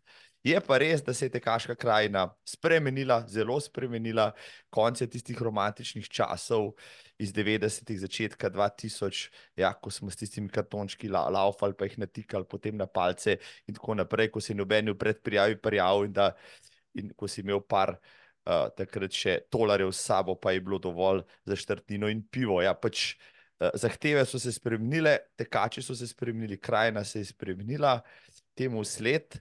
Uh, ti si spremljal pokal najbrž zelo dolgo časa, kako ti gledaš potem, morda, če čist na splošno rečeva, ne, vaš pokal bo zdaj ugasnil. Uh, so pokali, jim je še mesto v tekaški krajini, oziroma kot tekač sam, kaj ti pričakuješ, oziroma kako gledaš na razvoj rekel, tekaških disciplin, kateri, ki jih, ki jih uh, sestavljajo ti pokali. To so predvsem cestni teki, gozdni teki, morda kot gorski tek. Ne. Po drugi strani je zdaj trail scena zelo vroča, cestni maratoni, morda večji tudi. Ne. Ti manjši teki so pa morda uh, kar malo potisnjeni v stran. Uh, glej, zagotovo je to dejstvo, da je uh, znotraj pokala, se pravi, mi smo imeli v najboljših letih tudi 24 prireditev to je ogromno. Um, zadnje leta smo nekje imeli med 14 in 16 preditev. Dejstvo pa je, da je zelo težko znotraj tega pokala narediti enoten standard, ker se preditve preveč razlikujejo. Ne? Zdaj, tako kot sem prej rekel, raje naredimo tako, kot da se mi na koncu grdo gledamo, ker bi jaz pobral pet najboljših, tudi to je bila ideja. Poberem pet najboljših, zagotovimo se pravi sredstva, promocijo, ne na zadnje lahko tudi eh, stimuliramo, se pravi, za nagrade za boljše tekače. Ampak to v sklopu tega, zaradi česar je bil dolenski pokal ustanovljen, se pravi, povezovanje teh manjših prireditev, to ni namen. To je, se pravi, lahko neka nova zgodba, ki se bo iz tega razvila, ali pa tako, kot jaz nekako računam, uh, oziroma razmišljam v tej smeri, da bo čez par let zopet tekaška srednja, se pravi, uh, ugotovila, treli so ratelj tako, tako visoko uh, štrtnine, eh, enostavno. Um, dragi, ja, tako, ja. dragi, tako da uh, se bo pojavila ta težnja, da se zopet naredi nekaj na tem področju. In bodo zopet tekači, se pravi, organizirali, pripravili dogodke. Ne vem, mogoče bo to najprej čisto neformalno, potem bo pa zopet tekaška preditev ko bodo zopet tekači prevzeli zadeve, preditve, potem bo to popolnoma drugače. Ne? Trenutno smo pa še vedno na teh organizatorjih, starejših, iz nekega prejšnjega obdobja, oni ne gredo na nobeno ostalo preditev, ne vejo trenda, se pravi, ne vejo prilagoditve. Težko se pa mi dva zdaj primerjava z eno preditvijo, ki, ki mislim, ena, ki bi si zaslužila, ne vem, mesto med. 30 najboljših v Sloveniji, pa ena, ki. Ampak moramo pa obe imeti. Ne? Zdaj ja. pa kje najde ta balans? Balans pa ni zato, ker na eni strani se ne hočemo zameriti enemu, niti drugemu. Ne, ne. E, to je pa pol tisto, bom rekel, človeškost, oziroma tisti, ki delamo veliko z ljudmi, e, vemo, koliko energije treba vložiti v to, da bo za vse prav. In to je tisto, kar najbolj, bom rekel, obremenjuje. In tukaj, če na nasprotni strani nimaš primernega eh, sogovornika ali pa eh, pripravljenega nekoga, da bi se prilagodil dan danes, žal potem to ne, ne gre več naprej. Ja, bolje kot neko umiranje obroke, ja, pa brcanje na pol crkvenega konja, je odločitev, ki ste vi potegnili, definitivno tista, ki bo, če drugega ne, v letu, dveh, treh pokazala, kdo je še tam zunaj entuzijazm, kdo si še želi v lokalnih okoljih delati, kdo hoče tja hoditi teč in tako naprej. In se odlično si povedal, na teh temeljih lahko se stavi nova zgodba, kljub vsemu v sezoni 2024 na Dolenskem se bo teklo, se bo organiziralo, najbrž um, bo veliko tekov, večina teh, ki jih je bilo pokalo, bo obstalo in se, se, se uh, ponudilo tekačem tudi tvoje prireditve, ki jih sam delaš v Šmareških toplicah in še kje najbrž. Mislim, seveda, jaz pričakujem, da bodo letos izvedene v bistvu vse prireditve. Tudi to je, recimo, kot sem že prej govoril, ne, um, med komentarji, ki jih zdaj berem, sicer res mislim, same pohvale so, kar je tudi uh, daje dosti veliko težo vsem nam, ki smo se trudili oziroma delali v tem. Um, je pa res, da nekateri smatrajo, da se bodo kar uh, teki ukinili. Teki se ne bodo ukinili, je pa odvisno od organizatorja. In organizatorji bodo zdaj sami videli, kaj pomeni, ko si enkrat majhen, pa še razdrobljen. Da še na mesto tistih, ne vem, 60-70 članov bo ta številka šla na pol, tako da naslednjem letu potem pričakujem, da bo par, par preditev ugasnilo, letos pa da večina bo še kar izpeljanih, tako kot uh, je bilo do zdaj vsaka leta. No, če te že imam tukaj pred kamero in pred mikrofonom, izvoli, povabi vas zdaj tekače na kakšno od prireditev na Dolenskem, morda na tvojo, no zdaj, evo, začetek sezone je, koledarčki se oblikujejo. Kam na Dolensko torej morajo letos tekači priti?